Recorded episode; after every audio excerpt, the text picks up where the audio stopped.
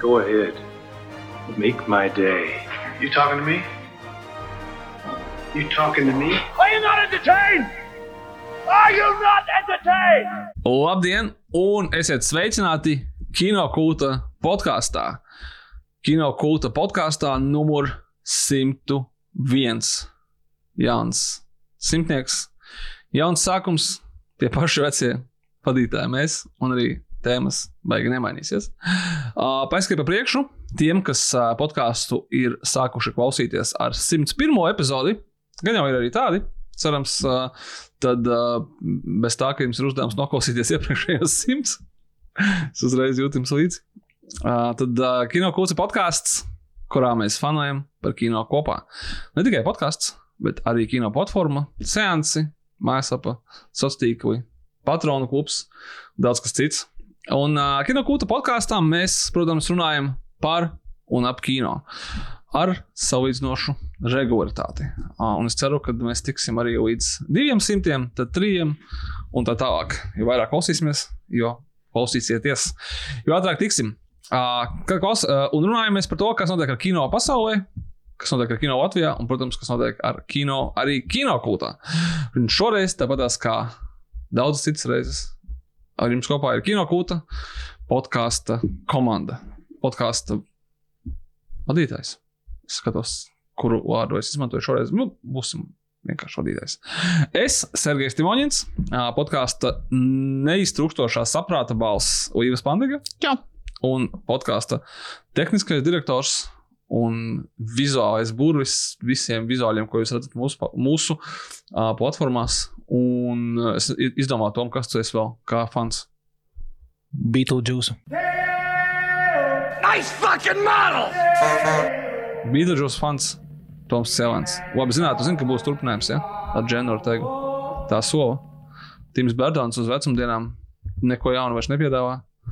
Viņš strādā pie pašiem cilvēkiem. Es tikai ceru, ka viņš neuzmauks ģenerēt tagad cepuri virsū kaut kādu, un tad viņa būs viņa jaunais Džonijs Deps. Nākamās desmit projekts.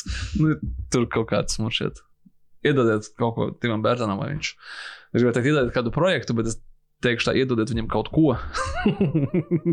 vai viņš, vai viņš uh, atgūst to savu mojo un mūs iepriecina ar kādu brīnišķīgu filmu. Vai gan rekur viņa. Nē, nu, Wednesday jau bija. Bija forši. Nu, Jā. bija, bija tas ok. Nu, tādā ziņā, ka tas bija, tas bija Netflix seriāls, bet viņš ir kā nu, no labā gala. Bet Tims Bērtons jau ne, nerežisēja vai režisēja visas sērijas. Kā tur beigās bija, nebija man šeit viss tomēr. Ne. Es sākumā pateicu, man šeit arī podkāstā un arī radio pateicu, ka režisēja visas sērijas, un tas tā bija domājis, bet īstenībā nē. Tur bija, tur bija arī cita. Viņš četras, manuprāt, no astoņām kaut kā tā. Būs otrā sezona. Es domāju, ka tas jūs beigās nepārsteidz. Ne? Drīzāk pārsteigt, ja nebūtu. Nu, viņi kaut kādu laiku tur kaut ko tur ņēmās. ņēmās. Man šķiet, ka tagad Netflix ir arī pēdējā laikā sācis spēlēt šo kaut kādu guessing game, kad nu, cik, tad, cik tad būs ar Sandmanu bija līdzīgi, ka visiem likās, ka nu, tur jau tā kā visa pasaule skatās Sandmanu, tad viņi tur kādus mēnešus gaidīt, beigās pateicis, ka nu, jā, tomēr būs saka otrā sezona. Lai gan, ja nav, tad viņi parasti pasaka uzreiz, jau 24 stundās tā kā nepaskatījāties. Nu, viss tā. Kas bija par to mistērijas kuģis, tā arī nesāku skatīties, laikam, nesākšu arī. Tas 1899. Jā. Ah, es, es uh, sajaucu viņu laikam ar kāds, kā, kā viens no tiem 1843. Arī nav tāds seriāls, tas Ir, ir ir. viens no tiem. Ir tiem- tiem westernu, Kosmēra jā. radinieki pagātnē, kas ir tā kā, es, es ceru, ka uh, sagaidīsim kaut kādu arī tur to. Viņi tā kā- 2000 AD, kur būs kaut kādi indiāņu radinieki. Noteikti tāda arī bija kaut kāda tur tajā fermā. Un tad tur redzi, ka tā ir vienkārši zāle aug, un tad ir kaut kāds indiāņu vigbams, un tad parādās 1254, un tur kaut kādi vikingi uzbruk, un tad pēc tam izrādās, ka tie visi ir kaut kādi da Dautonu ģimenes priekšteči vai kaut kā. Es smējos, bet es visu laiku sapņoju sākt skatīties Yellowstone, un nu, man ir jāredz. Viņam ir tik daudz to uh, Ar radniecību. katru nākamo jā. sezonu vai seriālu šajā gadījumā, nevis sezonu. Tā iespējamība, ka viņi sāk skatīties tikai sarūk un sarūk. Un, un uh, es, nezinu, es nezinu, kā viņš to dara. Tas, Tas man liekas, tagad tur tajā visā iebraukt ir aptuveni tāpat kā Marvel filmas no nulles sākt skatīties. Tas ir nu, pamatīgs tā kā, Atskaitot tikai to, projekts. ka man šķiet, ka tur katru mēnesi iznāk kaut kāds jauns uh, viņas radītais seriāls par tur. Kā, Nu, Tu- bija, tur- bija intervija ar viņu interesanti, un tā arī tie intervijā neatbildēja uz galveno jautājumu. Intervija bija šeit JQ vai kādā no citiem šiem te glancētiem žurnāliem ar Teoru Sheridanu, kas ir radītājs visai šai Yellowstonei, un arī Mayor of Kingstown, un arī Tulsa King, un kaut ko vēl. Un es tikai atceros no tās intervijas, ka viņš esot ieradies uz interviju, nu, zirgā, protams, ar kauboju cepuri. es ne, nevaru iedomāties, kā viņš citādāk var ierasties uz interviju, bet tur netika paskaidrots. Un viņš viens pats tos visu tā kā reāli raksta, nu, viņš izdomā, tā kā Nu viņam jā, ir kaut nu, viņam komandas, tur- bet, uh, bet viņš tā kā ir tas, tas, tas, tas, tas dzinējs. Es nezinu. Nu, Tur pa nopietnu viņam taču bija tagad, uh, un tur nav tā, ka tur kaut kādi cilvēki no ielas nu, piedalās. Tur viņiem bija tāds, tagad skatos, 1923. Alessandrs Fords. Jā, ar Fordu un Helēnu Mirenu. Un iepriekšējā viņam bija dzirdētāji kaut kādi country, un, un kas tur vēl. Pilnīgs ārprāts. Nu jā, bet es kad skatījos Sons of Anarchy, kur viņš tēvoja šerifu, kuru piesmēja visu laiku visi tie galvenie baikeri un tā tālāk. Es domāju, nu, no, Džekiņš. Reka pasties kā Džekiņš. Es domāju, ka tomēr taisīs citu karjeru. Gan filmās, gan arī seriālos. Man šķiet, ka visas Paramount kanāls turās uz uh, Teoru Sheridanu. Ja jūs sākāt tiešām mūs klausīties uh, ar šo 101. podkāstu, un, un jūs domājat, ka tu, kuru katru sekundi jūs slēdzat ārā, kas ir šie cilvēki, kas ir Teilors Sheridans, kurš jāiet zirgu uz interviju, kas ir Paramount Plus, kas Latvijā nav pieejams legāli, bet ir skatāms caur GO3, ja es pareizi atceros. Jā, jā. Daļēji viņu saturs, no, tā skaitā arī Ievostonu. Tad uh, mums ir labas un sliktas ziņas. Labas ziņas ir tādas, ka uh, šitā, šito visu jocīgo terminu būs tikai vēl vairāk. kas reizē arī sliktas ziņas, ja mēs sakām, beigās neskaidrosim, kas ir kas, un tāds tas podkāsts ir. Kā es, es to saucu par labāko kino podkāstu Latvijā. Plain and simple. Uh, un ar šo es arī gribētu pāriet pie šīs nedēļas. Kino podkāsts, kurš sāka kino podkāstu ar sarunu par seriāliem. Mūsdienās mēs vairs nezinām, kur ir jā. kur ir kino, kur ir seriāls. Lai gan droši vien tādā Tikai kino Viktorīnā tu vienmēr kliedz, ka šī ir kino Viktorīna, seriāla Viktorīna. Jā, tā ir. Un zini, kas notika iepriekšējā kino Viktorīnā?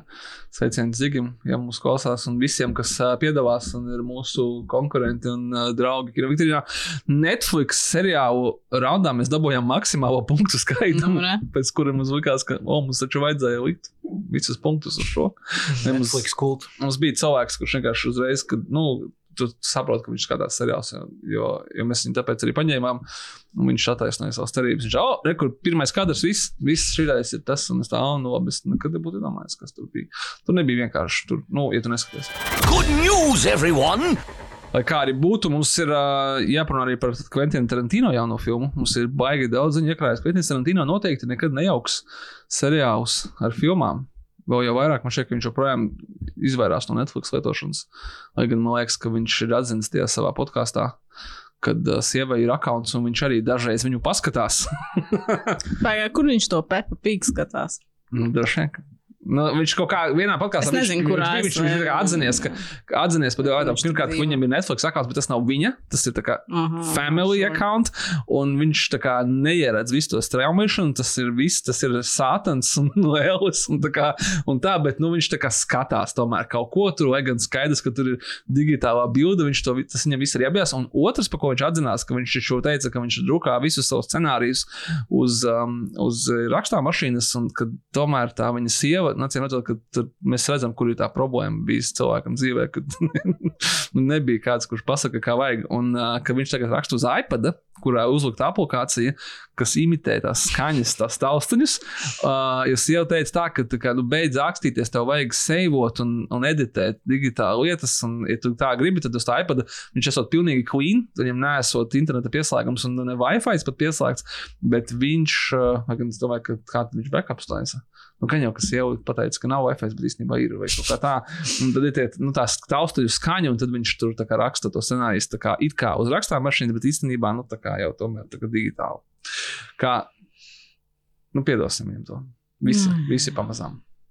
Man ir bail domāt, ko viņš tagad ar tiem saviem, viņam tagad divi bērni, taču ir, uh, ko viņš tur tagad viņiem skatās. Nu, Peppa Pig, viņš tā- tāpēc jau viņš tur stāstīja, ka tas ir labākais britu eksports uh, ever, jo viņš ar uh, bērnu skaties.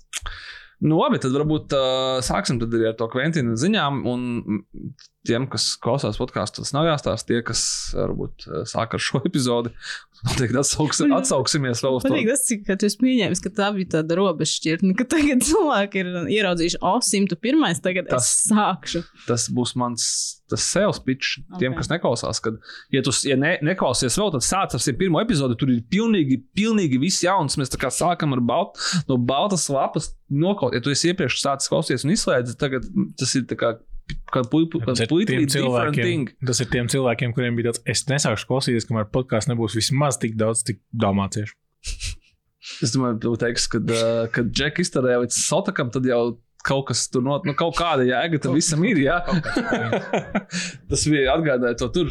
Es tagad sapratu to superīgo stāstu. Atceries, Ti- arī tie, kas neklausījās podkāstu, nav dzirdējuši viņu, kur uh, iepriekšējā podkāstu viesis un arī viņa radītājs uh, Sergejs Musātovs toreiz gribēja, man liekas, uz kaut kādu kinoprojekta spektra seansu cilvēkam iedot pie kasēm kinoteātrī biļetes, jo mums laikam bija agrīna room, tas bija seans, mums tur bija tas koncerts, un mēs tur ļoti, ļoti centāmies. Un divas biļetes ir, kā kāds neatnāca. Un Dažreiz tā gadās, kāds partneris tur netiek, un tā, un divas brīvas biļetes, un mēs ejam pie kasēm.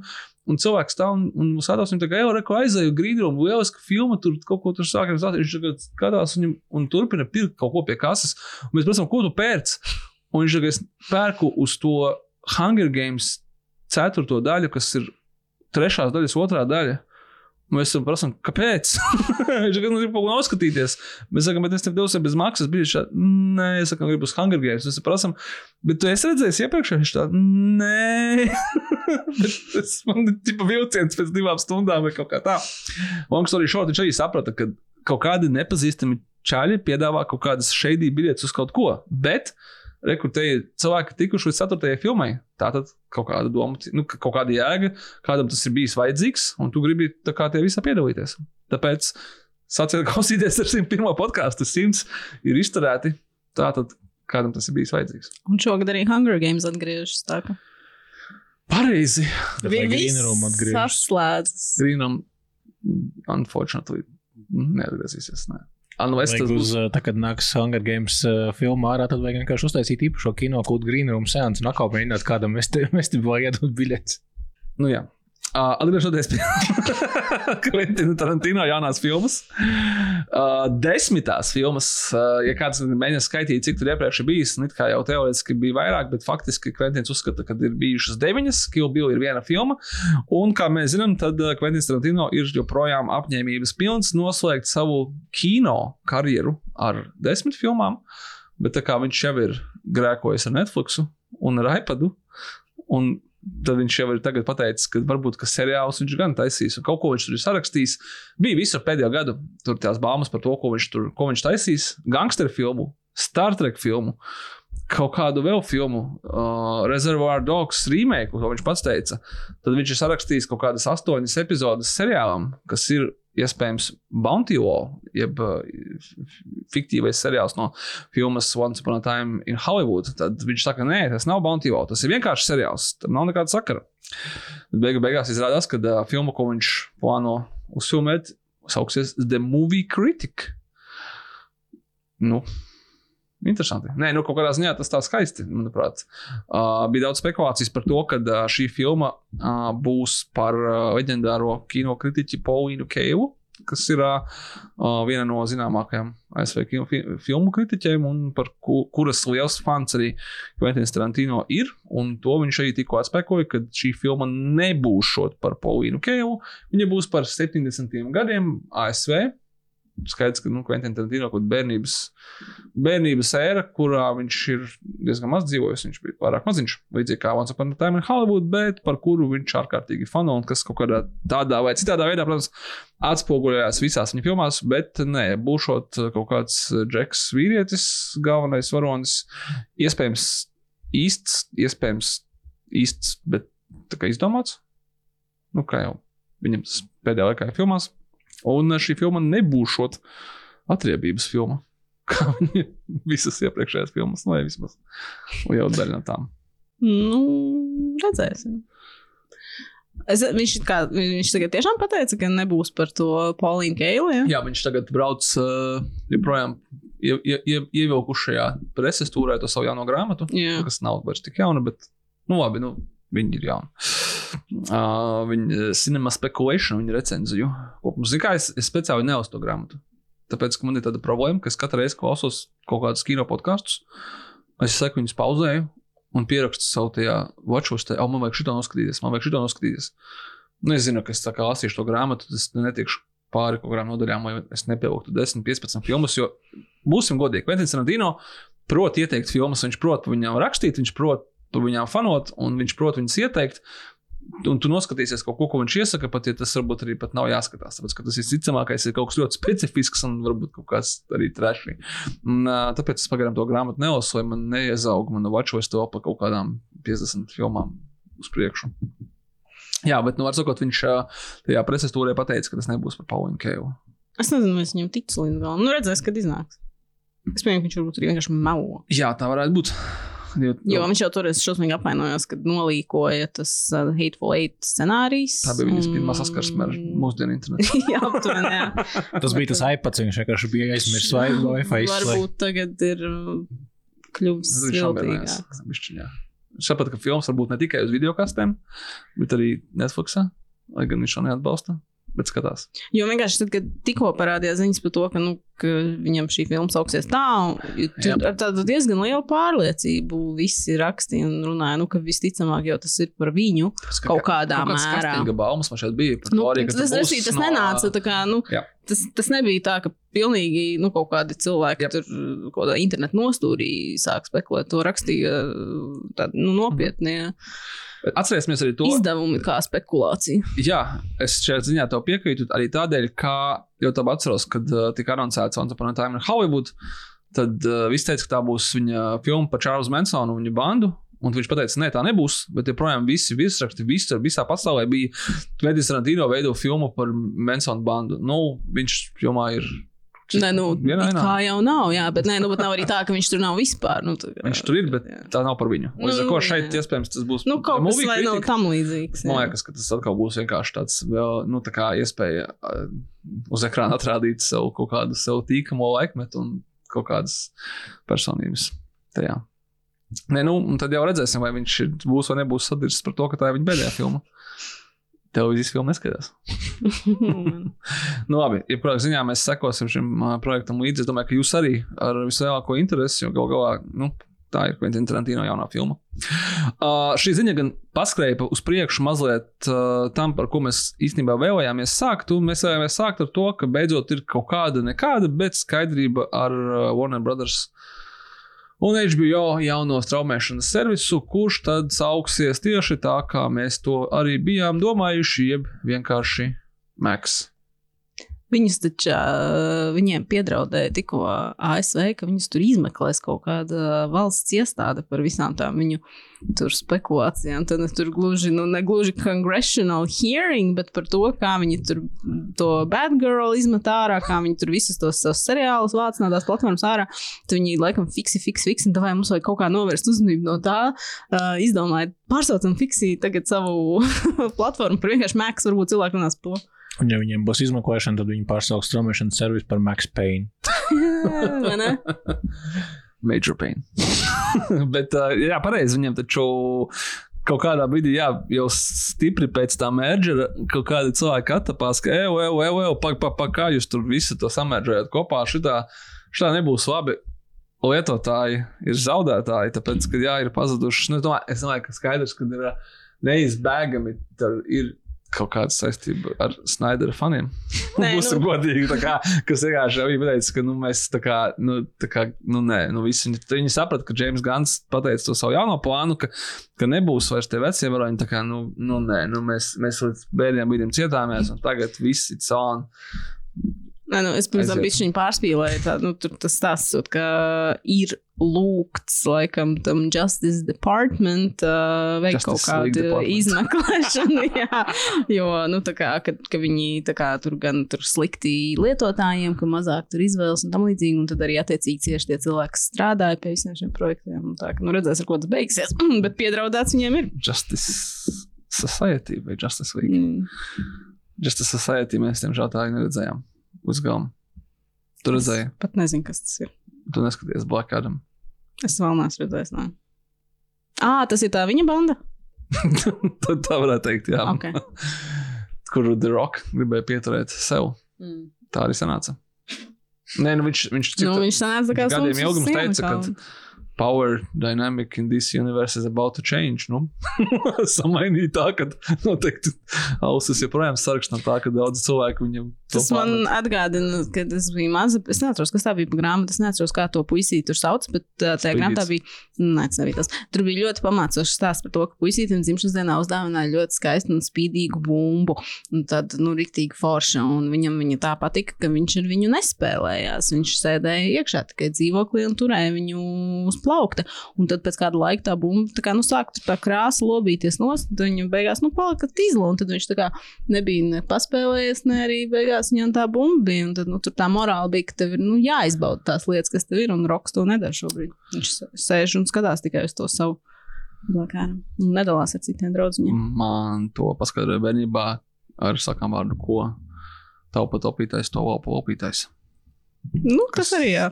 ir tas pats. Jā. The Rock šobrīd postē par, ah, mēs tiksim jau uz Roka. Jā, viņš teikt, ka tikai postē par savu futbola komandu. Ka, nē, bet viņš tur nav līga, viņam nav komanda. Komanda ir tā kā ir Old News, viņam ir tā Amerikāņu futbola federācija, ko viņš nopircis. un tad Tur viss notiek, spēlētāji priecīgi, tā kā incredible success. un Viņš man šeit mēnešu trīs nebija postojis neko ne par vienu filmu, nevienā savā sastīklā. tā kā Viņš pēkšņi tur varbūt pat tekilu bija postojis. Nu, bet tādā ziņā, ka tu, a, ma, manām viņš gribēja novērst uzmanību no tā, ka tur kaut kas. Kaut kas ļoti neizdevās, teiksim tā. Nu, nu jā, varbūt, varbūt paies desmit gadi, un kādam būs kaut kāda fanu pārprastā filma, un tā kā būs cult classic screening ar mūsu vienīgo uh, reizi, kad mēs redzējām Justice Society of America. Un tas ir teorētiski Snyderverse, bet varbūt arī nav. Right. Atgriežoties pie HBO Max, kas drīzumā būs vienkārši Max, un pie mums oficiāli būšot 2024. gadā, bet mēs arī nevaram to solīt. Right. Mēs nevaram to, diemžēl. Mēs nezinām to. Es nedomāju, ka viņi paši to zina. Es domāju, ka tur ir uh, vienā vārdā clusterfuck. Es nosauktu ar tiesībām, jo skaidrs, ka vietējiem partneriem no TET un LMT, lai gan man nav ne mazāko nojausmu, kas tur notiek ar viņu līgumiem, es varu tikai iedomāties, ka kaut kāds saturs viņiem ir licencēts. Kaut uz, ka, uz ņemot vērā to, ka vietējos, vietējiem partneriem nav viss HBO esošā saturs, tas nozīmē, ka viņi licencē katru no viņiem atsevišķi. Visticamākais uz dažādiem periodiem nu, kaut kas pie viņiem paliks. Vai ilgi kaut kas tur pazudīs, kaut kas būs tajā maksā, ja viņš pie mums būs oficiāli. Es domāju, ka es vienkārši gaidīšu, ka tas būs. Un es domāju, ka Nu, svarīgākais plus mēs beigās sagaidījām. Disney plus mēs sagaidījām. jā. Bet svarīgākais, es domāju, HBO mums nu, nevajag satraukties. Mums būs. Nē, no tā, ko viņi rāda tajā kanālā, kā HBO kanālā, nevis tur kaut kāda HBO Max oriģināli, tas jau mums viss ir lielākoties. Nu, teiksim, tie paši Succession, visi tie Kas lielie mums seriāli. Tur kaut kādas mazas reizēm, tur kaut kāds doķens vai kaut kādi tādi mm, ļoti specifiski tie projekti. Bet no tādiem lielajiem tādiem seriāliem, tiem HBO seriāliem, ko mēs saprotam kā HBO seriāls. būs un of Jā, tie, būs, tie, kā- tie visi ir un tie visi parādās. Nu, un tad uh, līdz ar šo anonsu par kādu saka, vai novērst uzmanību un uztaisītu šo dūmu, kā mākoni. Tad arī diezgan daudz tika anoncēti gan traileru formātā, gan vienkārši. Un tas beidzot ir skaidrs par to Harry Potteru. Nu, mums, tas, mums jāturpina tā tēma, mēs pie viņas laika pieskaramies. Harry Potter seriāls būs man šeit garlaicīgākais no visa, ko mēs varam iedomāties. Tas būs vienkārši grāmatu atkārtot ekranizācija. Dekādas garumā. Cilvēki hate vačos vienkārši to seriālu. A, Kāpēc, bet kāpēc heitvačos? Nu, tas tā. Tāpēc, ka neviens, nu, kāpēc labot kaut ko, kas nav sapīsis vienkārši, un tās filmas ir tik ļoti mīļas cilvēkiem, ka viņas iespējams tiešām skatīsies ar tādu, ka, Es nu, pat- jā, nu, Es, bet, pat, nu, es tikai nu, nebiju, es ir īstenībā ok, bet nebiju pat aizdomājies par to. Es, tā kā, nu, kad mēs sakām tā, es padomāju, jā, īstenībā, laikam tā, es pat nebiju aizdomājies, man nebija nekad negatīvi. Es domāju, ka, ok, ir jauna, jauna dekāda, ir jauns, ir pilnīgi jauns projekts, kur ir skaidrs, ka, bet viņi tā, ka viņi anoncē, ka tiešām tā kā dekādi būs, bet grāmatas tikai septiņas, viņi atkal dalīs kaut kādas grāmatas, pat tā kā, ne, viss viena grāmata, viena sezona. Jā, Bet es atceros, ja es esmu lasījis tās grāmatas, ka viena grāmata ir pēdējā grāmata, ir tā kā trīs pirmās grāmatas. Ko ar to? Nē, Atkal jāgriež, nu, vai kaut kas ir jādzemdē no jauna priekš pirmās grāmatas. Nu, notikumi vairāk vienkārši. Nē, es domāju, tas plāns izklausās normāls. Es domāju, ka nē, jā, būs tā kā cilvēki, kas hate watchos, tāpēc, ka viņiem negribas jaunas versijas, tāpēc, ka viņiem ļoti patīk filmas. Jā. Bet uh, par tām filmām nu, tur ir tas arguments, ka, nu, tu pats teici, tā pirmā un septītā viņas ir trīs reizes atšķiras biezuma līmenī, un tās filmas visas bija ap divām līdz trim stundām. Bet pirmās bija garākas nekā pēdējās. otrā ir visgarākā, jā, un, un, un tad, es, man liekas, tas, tas plāns pats par sevi ir diezgan loģisks, ka tu vari pastāstīt tās lietas, jo, jo tad, kad tās filmas nāca ārā, ok, jā, viņas ir mīļas cilvēkiem, bet tur jau vienmēr bija šī raudāšana, ka tas nav iekļauts, kaut kas cits nav iekļauts, kaut kas ir uh, iekļauts tā, ka tas tur mm, doesn't make any sense, un tad, nu, tad te viņiem būs, nu, es pieņemu, desmit sērijas kā minimums droši vien katrā sezonā, un tad tur tev ir attiecīgi desmit stundas divu vietā, lai izstāstītu to stāstu. Nu, tad tādā ziņā cilvēki jau, man liekas, diezgan daudz teica, ka seriāla formāts šādam, šādai, se- šādai grāmatai ir piemērotāks. Nu, jā, bet es nāku visi tie cilvēki, kas teica, ka jā, es labprāt to redzētu. Viņiem taču jāsaprot, ka tur būs citi aktieri, kurus tā- Nē, nu, protams, es domāju, neviens nesagaida, ka tur Redklifs skries. De-aged. Jā, vai ne? Nē, nu, Bet mūsdienās jau kaut ko mēs jau pagājušais, mums viss pagājušais Nu, protams. to bija veltīts, ka, uh, ka tas varbūt Nu, tur jā, jā, arī jā. būs. Bet, Nē, nu, protams, ka būs raudāšana. Vienmēr būs visi, kas būs jaunie paziņot, būs sliktāki pēc definīcijas, jo viņi nav tie, bet nu, tāpat tās viss skatīsies. Pēc, nu, Es vienīgi gaidu otro sezonu, kur būs atrūķošana. To sērijas gribu redzēt. Nu, jā, nu, tur ir kaut kādi tie, kā, nu, tu saproti, kāpēc viņi tie momenti bija izņemti vai neielikti filmās, jo, nu, viņas ir Jā. jā. foršas detaļas, bet viņas ir detaļas, kurās tu vari mest ārā, vai, teiksim, man ļoti patīk Ludo Maišalnieka tēls no ceturtās grāmatas, kurš tur visu tur to. Un Vemt. Un Jā, ceturtā jā, jā, sezona. nu, Nu, restī, tur ir ļoti daudz, kas, ko salikt, ko cilvēki atkal ļoti priecāsies ieraudzīt uz, uh, uz ekrāna. Bet tad būs nu, jā, viena daļa, kas skatīsies watchos, tāpēc, tad būs nākamā daļa, kas mm, skatīsies visticamāk piratējot, bet tāpat tās skatīsies. Vai un netiek? netiek Skarbi apēta? kritizēs, jā, nu, lai netiek uh, rollingai nauda, kas, uh, Ā, nu, kas heitos to, ka mēs vispār Viņi heito Rowlingu, bet būs tie, kas heitos, kas mīl Rowlingu, bet heitos tā kā Warnerus. Nu, tur būs, jā, nu, tur būs, tur būs nenormāli vēl ļoti daudz skandalēšanās. Es Un... izmantošu savus gaišas iespējas vai tiesības kaut ko paredzēt šeit. Kā, kā vienkārši šis vīls. Šķiet, ka šo vajag atsevišķu segmentu vienkārši ieviest podkāstā. Kino kulta prognozes. Sergeja Sergejs. pareģoja. Kino kults pareģo. Tev vajag kaut kādu īpašu sound efektu. Kā? kā vienkārši sprāgs, degs, jūs pakaļ tajā brīdī, ka es, es tev es jums garantēju, ka tur būs melnādainā. Hermione. Visticamākais. Lai pēc Redz- tam var taisīt uh, to? Curse Child. Nē, vienkārši tāpēc, ka ir, ir tāds laikmets, ka tas Nē, tā tas, vienkārši nu, būs. vien, Es esmu pilnīgi drošs par to, ka viens no tri, galvenās trijotnes ne- nebūs trīs baltie cilvēki. Tas ir diezgan skaidrs, ir in- inkluzīvnes un tā tālāk. Un es domāju, ka tajā brīdī degs tā, ka būt, būs vēl ceturtie heiteri, kas teiks, ko jūs izdarījāt, you raped my childhood. Tā kā, tā kā vienā līmenī viņiem ir Maikls Bejs ar transformeriem, tad droši vien Zeks Snyders ar Batmanu un Supermanu. Supermans nenogalina, atceries to nekad viņš nenogalina. Un tagad vēl arī, protams, Rowlinga ar šito te savu kā sabojājumu. Nu, jā, nē, es aizmirsu, nu, Disnejas ar Melnādainu un Nāriņu, bet nu, Disnejas jau sen ir. Nu, Viņš nav mīlis, viņam galva iekonservētajā, tur, tur mēs zinām. Bet... Nu, Protams. Es, ne, es, vienkārši- es, es, es domāju, ka, tā, ka tas bija pilnīgi skaidrs, ka būs. Es gribēju teikt, ka viņi varbūt būs kā aziāti, bet nebūs, tāpēc, ka tur ir aziātu varants jau iekļauts nu, šitā te. Jā. Brūti. Bet, tu- bet, nē, nu, kā, bet viņiem tur, teiksim, man liekas, būs jāapdeito kaut kādas lietas, jo kopš tā laika, kad tās grāmatas ir iznākušas un kopš tās filmas ir iznākušas, teiksim, tas čočāngas vārds pats par sevi jau tur ir tas, ka, nu, ka nesauc cilvēkus, kas ir no viņa ķīnieti, laikam, es nemaldos, Jā. tagad negribu samaldoties, bet, nu, ka tas nevienu cilvēku tā nesauc, nav vārds čočānga, nu, ka viņi tas tā kā, nu, izdomāti kaut kāda muļķības tur par šito, teiksim, ņemšanās, vai arī tur kaut kāda tās patilmās, nu, visi, viņai it kā tur bija tie ne baltie personāži, Jā. tur viņiem vienmēr bija kaut kāds, Racial nu, tad, tad, jā, tieši tā, un ka, es domāju, ka viņi noteikti, nu, Labi, tad, ja viņi to nelabos, tad, nu, tad ir droši vien, jā, nu, Cik, viņi, tur ir kaut kāds timelines, kad, kad būs tas seriāls, uz kuru podkāstu mums vajag to te atcelt atmiņā prognozes. Es saku, ka Hermione Manadainā un Nevils or something būs homoseksuālists. Tā kā, nu, kad, tā kā mēs uzreiz jau zinām, ka tie, viņi būs. Un, Nē, nu, teiksim, mums tikai- droši vien, nu, kā Dumidoru viņa pateica, Drako. Nu, Dumbledors, esot uh, gejs, to viņa pateica. Nu, ka, Retro, retro. jā, nu, viņa pateica pēc tam, nu, ka, Jā. jā. nu, kā tur kaut kas tur grāmatās varbūt ir varbūt hintots, bet, nu, tad uzrakst to normāli, nu, kur tur ņemies. Es pieņemu, ka varbūt kaut ko tādu viņi Bet es saku, ka skaidrāk speciāli, speciāli pam, nu, es domāju, ka tur kaut ko. rīkoja Dumbledore-.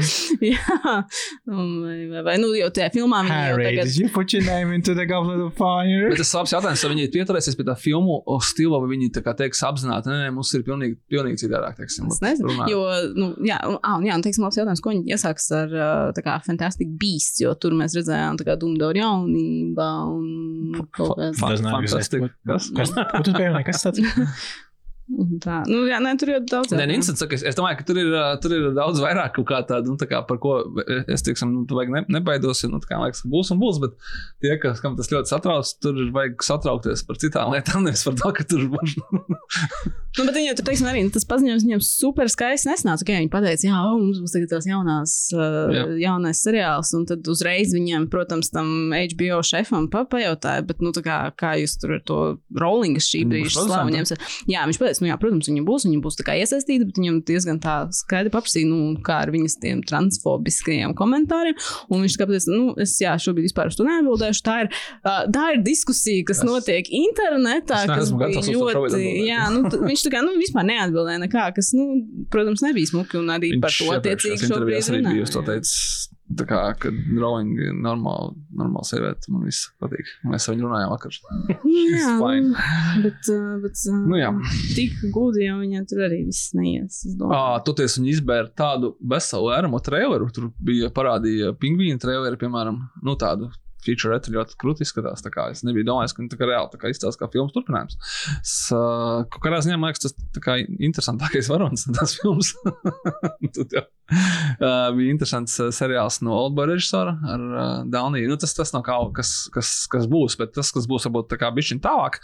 Uh, Man nu, ir skaidrs, ka viņi tur raksta tagad tālāk to savu uh, Warner biblioteku un uh, Conjuring seriāls.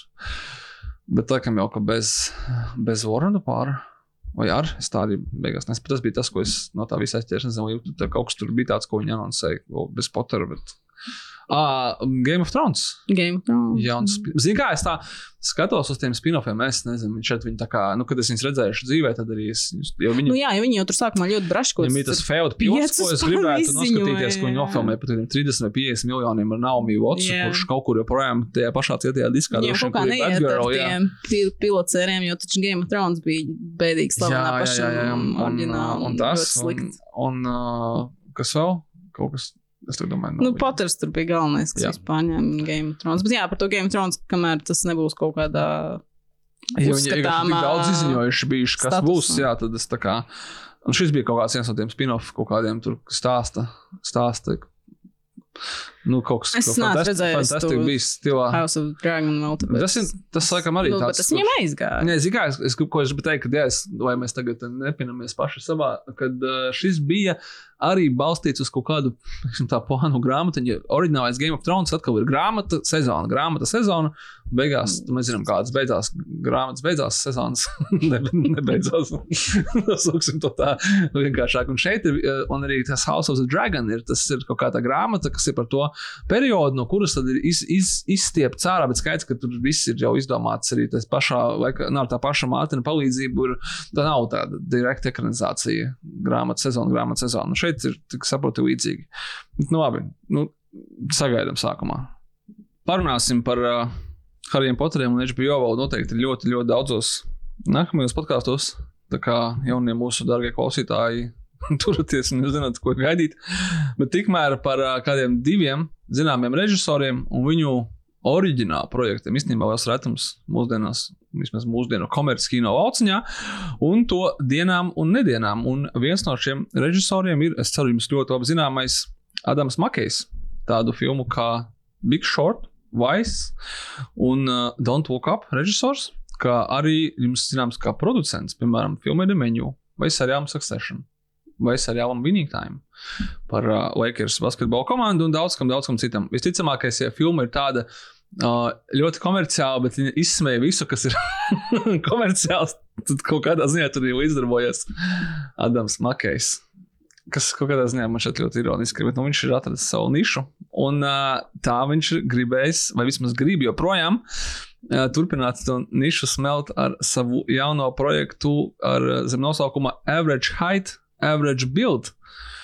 Kas stāstīs šot vai stāstīs, nu, tur jau tā visa intriga ir pagaidām par sēriju veidu slepkavu, kurš nesodīts nodarbojās ar, tas, ar šīm savām briesmu lietām, bet izmantojot politiskos lobbyus un, uh, sakot, politisko sistēmu.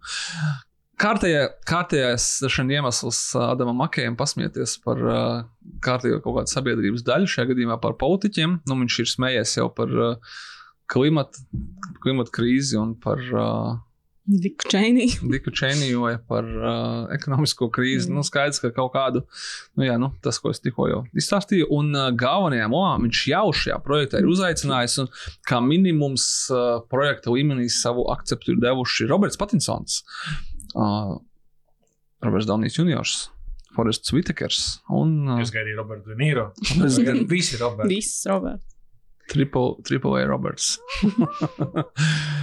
un, uh, un citi aktieri. Bet kas ir laikam, tas uh, interesantākais te visā, kad ar šo kā, scenāriju tādu biezā izdrukātu, protams, uz īstā printera. Nu, jo viņam nav vēl bijis, ah, ne, viņam ir bijis par pa klimatu krīzi, viņam ir bijis jau filma, bet tas ir, ir vēsture tagad par politiku.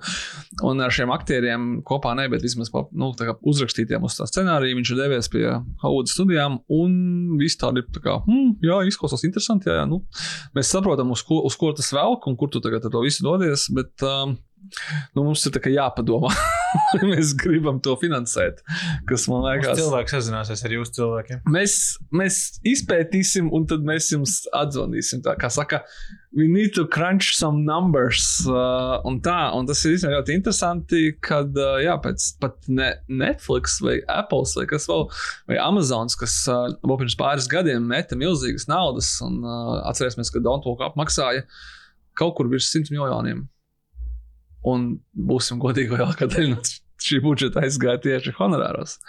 Nu, vairs kaut kā nesteidzās uh, atbalstīt uh, pa filmas, kurās ir iesaistītas ļoti, ļoti lielas zvaigznes. Un, un tā viņš tagad, es domāju, ka beigu beigās kāds jau viņu nopirks un kaut kā jau viņi izdomās. Un nevar būt tāda filma, ja, kur ir Daunijs un, un, un Patinsons un Amy Adams un Vitakers un kas tik vēl tur ne. Tur esot ļoti līdzīgi kā viņi iepriekšējās filmās Un visvairāk droši vien kā Don't Look Up, kad ir šo projektu rakstot tas, ka ir ļoti daudz mazu, bet tādu spilgtu lomu, kurās tad var izpausties visi, mums labi zināmie Hollywoods aktieri.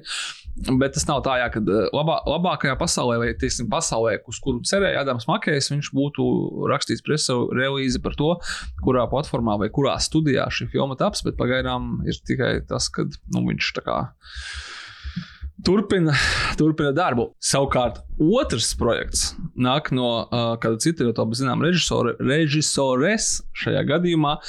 Tā ir Nancy Meyers.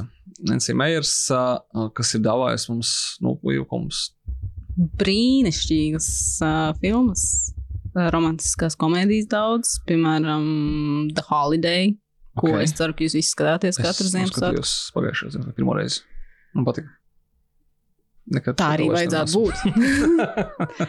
uh, viņai, Tas svīt.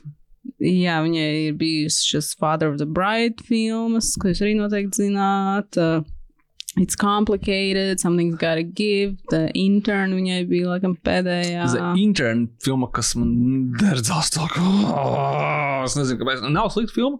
Normāla filma, 3,5 zvaigznes. Kaut kas man viņā tik ļoti kaitināja. Kaut kāda, es esmu to arī teicis daudzreiz podkāstā, ka kaut kas man liekas, ka tie cilvēki nu, nav šajā mūsdienu, es nezinu, nav mūsdienu pasaulē, kaut kādā viņi, viņi tik ļoti citur no manis, kad man liekas, ka come on.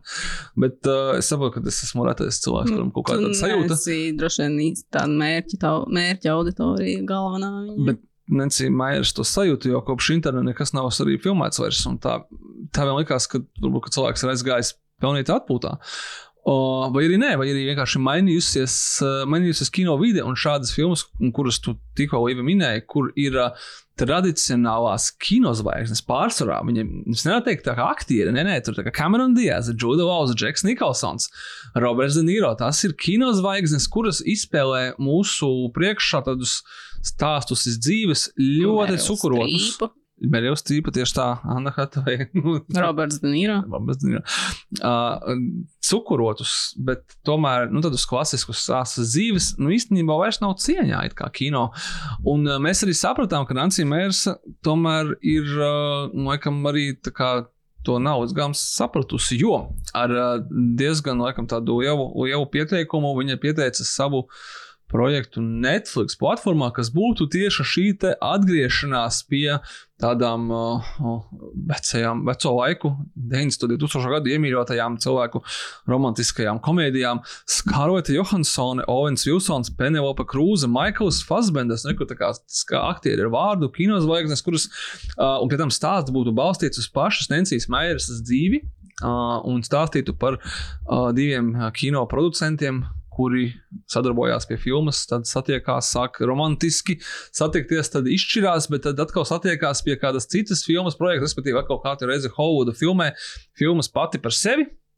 Un Nencija vairs paprasīja Netflixam 150 miljonus dolāru par šo filmu nu, kā jūs, kur sēdza ar uh, sev, cik viņam ir exactly. uh, Killers of the Flower Moon 200 pāri, pāri miljonu budžets kā... uh, filmai, kurai tiešām nevienam nav skaidrs, kāpēc būtu tik daudz jāmaksā, ar ko Nancy Myers sliktāk. Un viņi pēc tam par godīgi pasaka, wow, bet man ir par 25% mazāks budžets, kā jūs iedavāt Skursēzam, Un uh, es saprotu, ka es esmu sieviete, un jūs maksājat sievietēm mazāk, un I'm fine with that. Dodiet man 150 miljonus, un uz ko Netflix pateica, ka mēs visi saprotam, bet kā, tas ir mazliet par daudz priekš romantiskās filmas. Mēs īsti arī nesaprotam. Es domāju, ka tur ir bijusi cita lieta. Tā ir tāda, mēs vienmēr zinām, ka Hollywooda tas ir tā ir sapņu fabrika, Un tā ir arī blēžu fabrika. Viņi visu laiku viņi māna cilvēku, viņi māna skatītājus. Pirmkārt, skaidrs, ka viss, kas notiek filmās, tas nav īsts. Viņi māna arī investorus. Man, manas dzīves laikā ir izgājuši cauri vairākiem cikliem, kur ir bijuši ķīniešu investori, indiešu investori, krievu investori. Tā skaitā mūsu nevajag draugs Boris Teterevs, kas ir visi devušies uz Hovudu pēc šī kino sapņa. Un Hovuda saka, nāciet, draugi, nāciet ar savu naudu, un viņi viņus ir izsmēlusi un tagad ir tas tā nākamā stadija, kur tiek smelti ārā tech te biljonēši. No Netflix ir, būsim godīgi, nā, nav kino kompānija, tā ir IT kompānija. Tev jāsaka, kā Amazon un Facebook un pārējais, un viņus visus Hovuda diezgan nekaunīgs slauts, un tas laikam bija kādreiz mēģinājums. Pie tam tā, ka uzfilmēt filmu par pašu Hovudu, par kaut kādiem producentiem, kas samīlās viens otrā un tā tālāk. Respektīvi, tas, kas viņiem notiek ikdienā, tikai par to viņiem vēl samaksās 50 miljonus no Netflix, un uh, Netflix, diemžēl, atteicās. Un, uh, un tad viņi aizgāja pie Warner Brothers, kas, laikam, Es, es pieņemu, ka ar, ar mazāku budžetu mazliet tomēr savējiem tu nevari tā kā, nu, tā kā laupīt gaišās dienas laikā. Laikam arī Warner Brothers pateica, ka paldies, bet mums ir jālaiž, jātaisa Harijs Poters. Nākamie desmit gadi mums tam nav naudas, mums viss ir tā kā sarēķināts. Un... Nē, nu tur baumo, ka tagad, jā, ka tur arī esot uz pauzes. Nu, kā tur laikam iemesls esot uh, aktieru kalendāru aizņemtību. Protams. Nu, mēs zinām, ko tas nozīmē. Aktieri atrada citas mēs, mēs šo, mēs šo argumentu esam dzirdējuši jau gadiem ilgi. Bet par tām romantiskajām komēdijām, ko tu teici, viņas jau drusku sāk atdzimt lēnām. Tajā pašā Netflixā? Gan Netflixā, nu tur tā kā tās, gan tās tīņu, bet uh, pagājušajā gadā, teiksim, ļoti labi gāja tai Ticket to Paradise ar Juliju Roberts un George Clooney. Viņi sāk tādas, tādas, nu, kas tā kā, kur tad gados vecāki cilvēki sāk tās galvenās lomas spēlēt, nu, ka viņi atgriežas pie tādām klasikām, jo tā bija tāda, nu, tā bija tāda riktīga vecā stila romantiskā. Man liekas, ka tur bija kaut kā baigi gudri izdomāts ar to. Uh, es tagad varbūt mānu, melēju, vai mānos, ne, bet kļūdos. Es nekļūdos īstenībā, bet, uh, bet es tagad nevaru atsaukt atmiņā. Man liekas, ka tas bija viens no tiem veiksmes stāstiem Ticket to Paradise, ka viņai bija ļoti modests budžets. Un tur arī bija kolonijas. Nu, 60 miljoni nav jau tik modesti. Jā, jā, bet tur bija tas case. Nu, tas, tas nav liels budžets ar mūsdienās. Arī nu, priekšfilmas nu, ar tādām nu, zvaigznēm.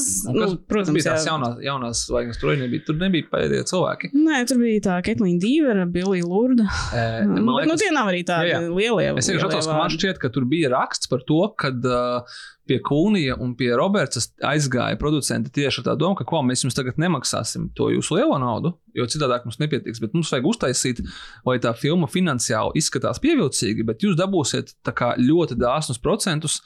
Un jūs būsiet kinoteātros, un tā nav straumēšanas filma, un pēc tam to filmu.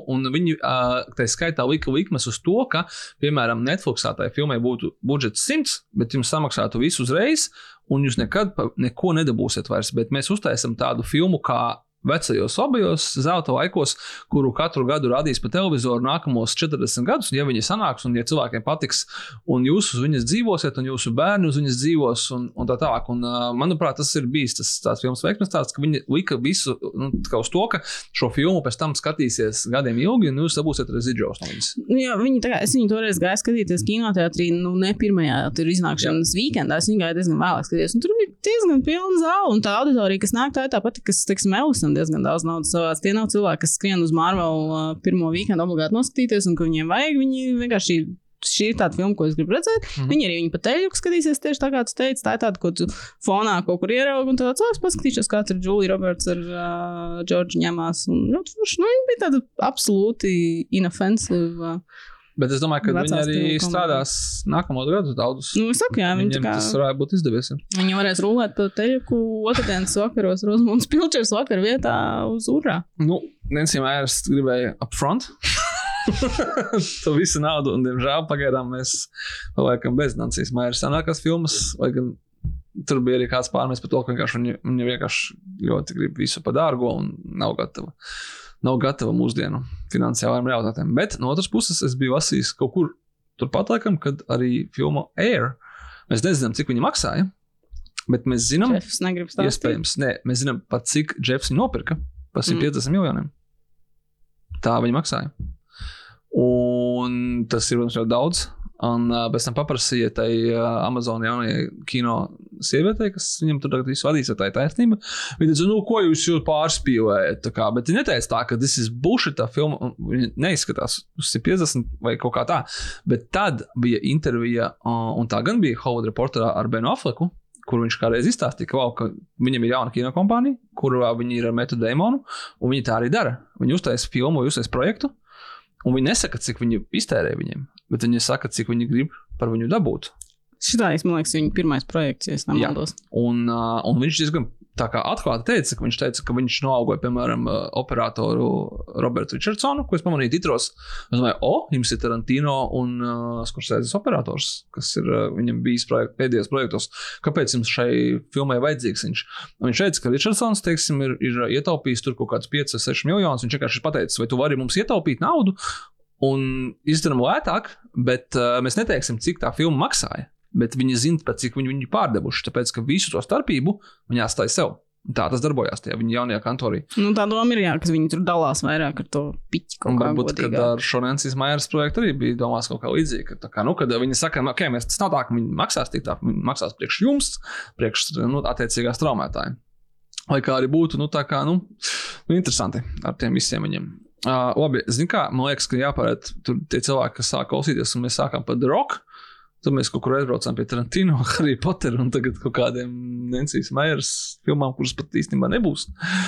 Uh, jā, es sāku stāstīt par to, ka Rock bija kādu laiku pieklusis savos sastīkos un par filmām neko nepostēja. Postēja par amerikāņu futbolu, par tekilu, tekilu jāpērk obligāti no, no Roka un, un Under Armour jānēsā un viss pārējais. Nu, vai cilvēkam tomēr kaut kāda tā nauda atvads, kur viņš tagad nedabūs no Black Adam versus Superman un visu versus DC universe. Bet tad es redzēju, ka viņš ļoti priecīgs, jo viņš ir, tā kā, viņš ir, viņš ir pozitīvs un viņš priekš visiem. Viņš kaut kur sēž pludmalē un čansēja. Manu vai Jānu, kā mums ir jāsauc pareizi šajā teritorijā? O, nu, pie mums Vajana. viņa sauc Vajana. Jā. Vajana, jā. Vajanas uh, live action filmu, uh, ja kāds uh, domā, ka jau, bet taču nesen bija Vajana, Vajana bija pirms uh, septiņiem gadiem. Tā kā tas nav nemaz tik ļoti nesen. Nu, bet tas nav arī gluži tā kā mazā nāriņa, kura iznāca 90, kurā es tev, vai 89. nav vai gluži nu, arī kas negribu samaloties, vai arī tā kā Pinokio vai vai Book. Vai ne? Tas ir tā kā salīdzinoši svaigi, bet no otras puses ir jau izaugusi vesela viena vai diva, divas bērnu paudzes, kurām varbūt šī būs pirmā vajana. Un, cik es saprotu, tad galvenā loma- atveidotāja. Atve, nu, ro Roka atveidos to pats sevi no filmas par to meiteni. Es tā kā laikam tagad neesmu tik ļoti drošs. Man liekas, ka es lasīju, ka, arī, ka tā Ka tā viņa arī ka, būs, ka viņa arī, jā. Nu, tad ir forši. Bet tas, ko, Varbūt es lasīju malus. Mm, es lasīju, nevis tā kā baumas, nu, tas oficiāli nav paziņots, kad uh, mūs, nu, viņi vienkārši negribēja visu mest vienā kaudzē. Bet uh, drīzumā tad anoncēs arī Tangled, nu, tā tāda tomēr pavecākā animācijas filma. Tas ir kurš gads? Nu, bet arī 11. 21. gadsimts, jā, nevis uh, 1940. Live action. Tangled, un, protams, kā, nu, tā kā, tas tā kā ķirsis ir live action Frozen. Nu, tur tam arī mums jāgatavojas.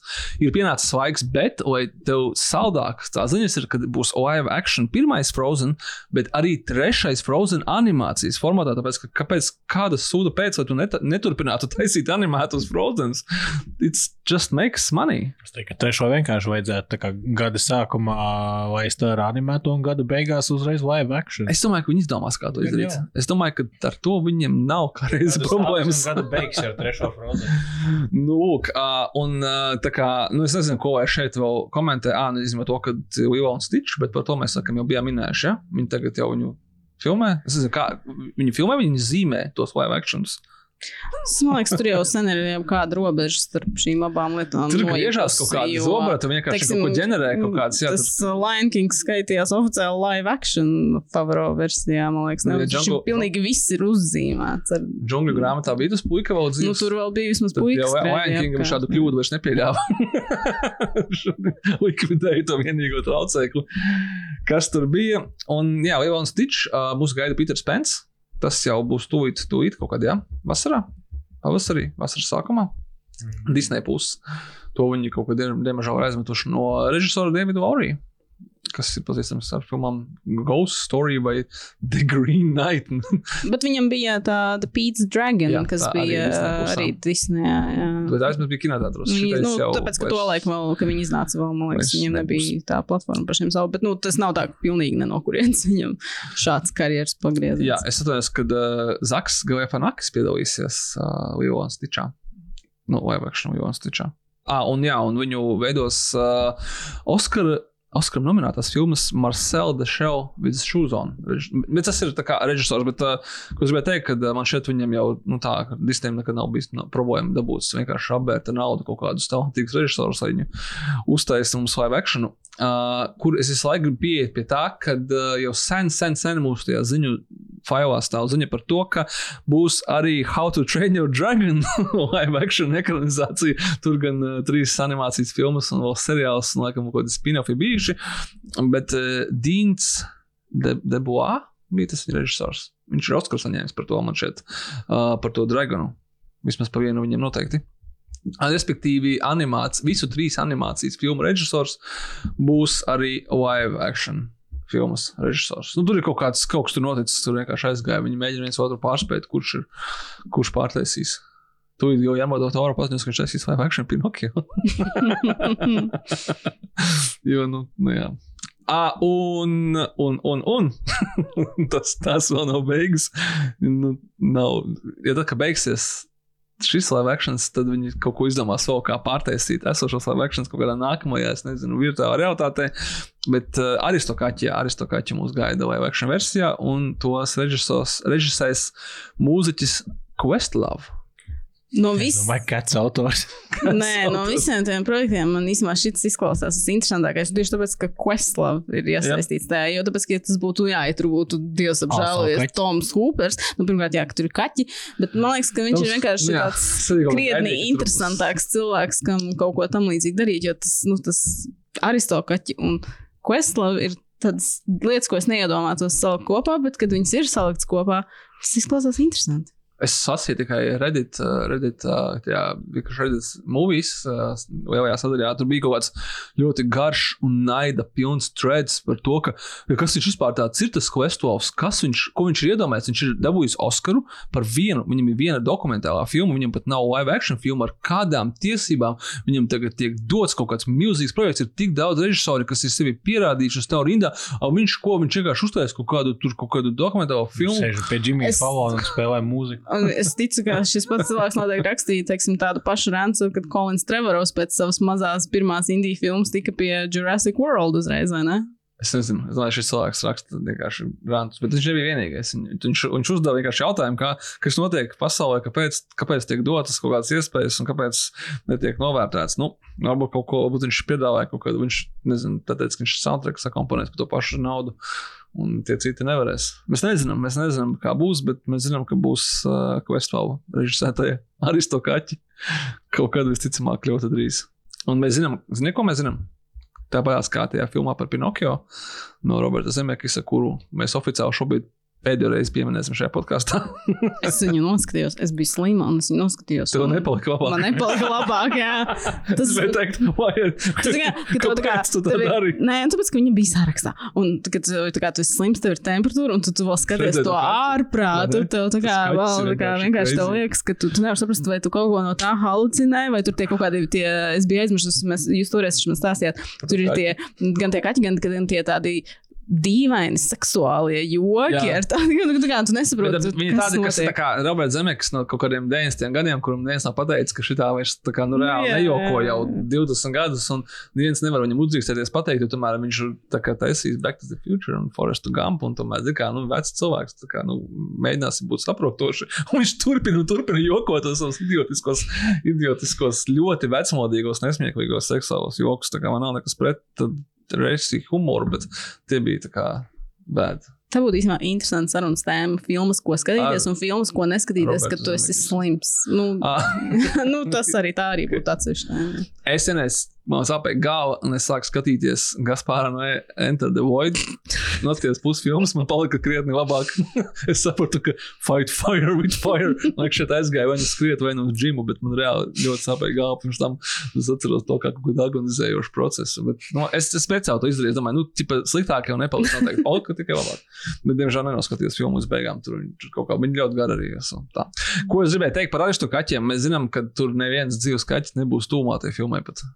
Varbūt Questolam, ko epizodēs, ka viņš komponēs mūziku viņa mājās, bet, uh, bet tas gan ļoti interesanti, jā, kad, kad live actionā uz to kaķi nu, nebūs kaķu. Tu zini, ka tie cilvēki, kas bija cats, tie nebija kaķi arī. Ja nebija, nebija Tom Hoopera. Jā, mēs joprojām gaidām release the butthole. Release the butthole. Jā, nu tas viss par, uh, par uh, animācijas filmu rīmēkiem, bet es domāju, kādam laikam jums tas pietiks. Kā būtu ar... Ko būtu, ja mēs varbūt Beidzam ar ziņām. Ne vēl vienu ūdzu, vēl vienu. vēl vienu gribēju teikt, tas gribēju. Kas ir, kas ir tāds īpašības cilvēkos, ko jūs visvairāk novērtējat? Kādā kontekstā? Vienkārši. Man vajag kaut kādu segveju. Godīgums. Ok. Iejūtība. Ok, ļoti labi. Es novērtēju, es nevienmēr atbalstu da, daudzreiz es ļoti neatbalstu, bet es novērtēju uzstājību. Dažreiz cilvēks vienkārši apņēmību un uzstājību darīt kaut ko, kas ir bezjēdzīgs, bet viņi turpina un turpina to darīt. Piemēram, tiek anoncēts vēl viens Hellboy remakes. un jau ar iepriekšējo, ar iepriekšējo kā, bija skaidrs, ka varbūt vai nu dodiet Del Toro, vai arī ļaujiet viņam atpūsties. Man nav nekas pret Del Toro Hellboyam, bija foršs filmas. Un es arī saprotu, ka ar viņiem bija labākie best intentions ar to, ar to kas bija pēc tam. Tā filma, Jā, nu, Nīla Maršala. Bet tur uh, viss aizgāja ļoti, ļoti slikti. Un ne, ne pateicoties ne pēdējā nu, tiem producentiem, kas tur ir. Tā, tiesim, Millennium films, tas ir, tev jāsaprot, pie kā tu ej, tur cilvēki vienkārši kā ir mantrauši un tā tālāk. No, tie paši cilvēki taisīs to nākamo rīmēku, kurš maksās vēl mazāk, bet, zin kā, ja tev tā licence pieder, Tad kāpēc gan ne? Un viņu veidos viens no filmas ģeniāls, filmas Crank. es atvēru šo ziņu vaļā un ieraudzīju to, un es sapratu, kāpēc tu tik ļoti gribēji par šo ziņu parunāt. kurš, kurš saka, ka tas, ka naudas nav, viņu vispār nebiedē. Un tā ir vēl viena īpašība ko es ļoti novērtēju cilvēkam. Viņš ir bezbailīgs, bezbailīgs autors. Kāpēc tu nepieminēji viņa otru dižāko sasniegumu, Ghost, Ghost Rider Spirit of Vengeance? Pat ne pirmo Ghost Rider, tas es ir Spirit of Vengeance. Esmu viņu redzējis vienreiz, un es negribu viņu atcerēties. Tāpat kā Idris Selba, kurš nekad nerunā par šo filmu, ka viņš viņai kādreiz kādreiz piedalījies. Nu, lūk, jā, Davids Harbors arī nepiedalīsies šajā filmā. Viņam ir, viņš ir nopietns aktieris, viņš piedalās Gran Turismo filmā un, un Stranger Things un vispār tā kā lūdzu nezvaniet. Violent Night. un Violent Night, jā, tas ir vismaz citā līmenī kaut kādā. Viņš ir tā kā trakais, trakais Santa Claus. Uh, bet, nu jā, un šobrīd viņi vēl pat nesaprot, vai tā filma būs kinoteātros vai straumēšanas servisos. Bet, nu, jā, es nu, nezinu, vai viņi saprot, vai tā filma vispār būs. Sāksim ar to. Bet viņi cer, viņi nu, apņēmības pilni. Jo kamēr licence nav beigusies, darbs turpinās un nu, ir jāstrādā. Tā kā novēlēsim viņam veiksmi, bet mēs parunāsim par to, ko esam noskatījušies mēs, un kas ir pavisam, pavisam reāls, un ko varat noskatīties ar jūs. Vai vajag par to nākamajā segmentā? Oh, I'm sorry. Did I break your concentration?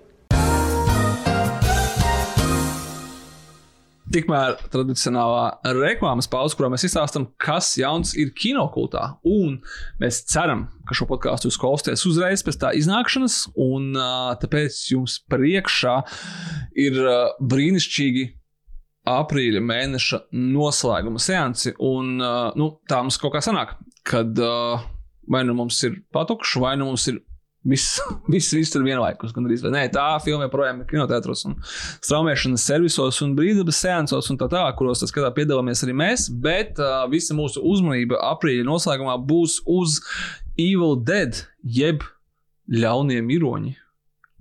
Evil Dead ļaunie miroņi. Krūtis nosaukums īstenībā tagad latviski tā skan. Nu, jā, Es visu mūžu esmu vienkārši viņu galvā turējis kā, kā Evil Dead un, un, un ļaunie miroņi. Vai kā arī būtu, ir bez jokiem fantastisks atsauksmes par jauno, jaunāko Evil Dead daļu, Evil Dead Rise, ar kuru mēs atkal esam piedzīvojuši, pateicoties jau minētajiem HBO Max, drīzumā vienkārši Max, dažādas metamorfozes, kur uh, filma, kas ir uzfilmēta, manuprāt, jau kādus nu, divus gadus, taču viņa stāv kaut kur sākumā bija domāta kā HBO Max ekskluzīvs.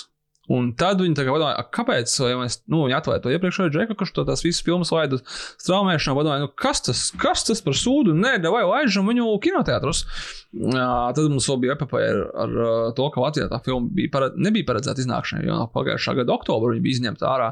Nu, kad cipa nevajag, un tad mēs īstenībā kā kinokults mēs baigi lobējām to, ka vajag, vajag, vajag parādīt tomēr to Evil Dead, bet nezinot, ka Viņa parādījās, viņai kaut kāds nu, 100% Rotten Tomatoes, bet kaut kas 90, tur kaut kas ļoti, ļoti tuvu pie, pie 100.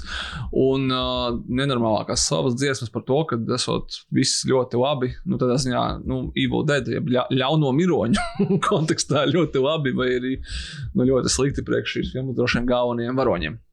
Kā tur īstenībā ir, to mēs ar jums uzzināsim. Es ceru, jau 20.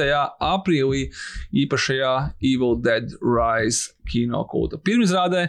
Šoreiz tikai un vienīgi skatītājiem, kas jau sasnieguši 18 gadu vecumu. Nu, lūk, un uh, droši vien, ka daudz no jums, varbūt ne tik daudz, bet vismaz noteikti es esmu domājis, kā būtu noskatīties oriģinālo Evil Dead 81. gada no režisora Sema Reimija un no, ar Brūsu Kembelu galvenajā lomā uz liela ekrāna. Nu, Bet tas jau nekad, laikam, Latvijā nenotiks. Tā kā pie tādas tik nišīgas filmas neviens filmas nerāda, izņemot to, ka tik nišīgas filmas rāda neviens cits kā kinokults un par laimi. Mums ir kinokults, kas parādīs arī oriģinālo Evil Dead jau uh, otrdien, 18. aprīlī, tikai vienā vienīgajā seansā, 4K restaurācijā visā savā oriģināli brutālajā gorī. Ja tu nosties filmu, tev bija jāpalīdz ar tulkošanu. Kāda, Tas nebija ļoti kāda, daudz. Kāda ir tā iespaidi? Nē, viņa ir. Uh, jā, viņa ir uh, efektīva. Jā. Viņa ir ļoti īsa. Tad, tāds tāds, ja tāds, tāds lean and mean. Jā, un, un, un, bet bet tie efekti ir.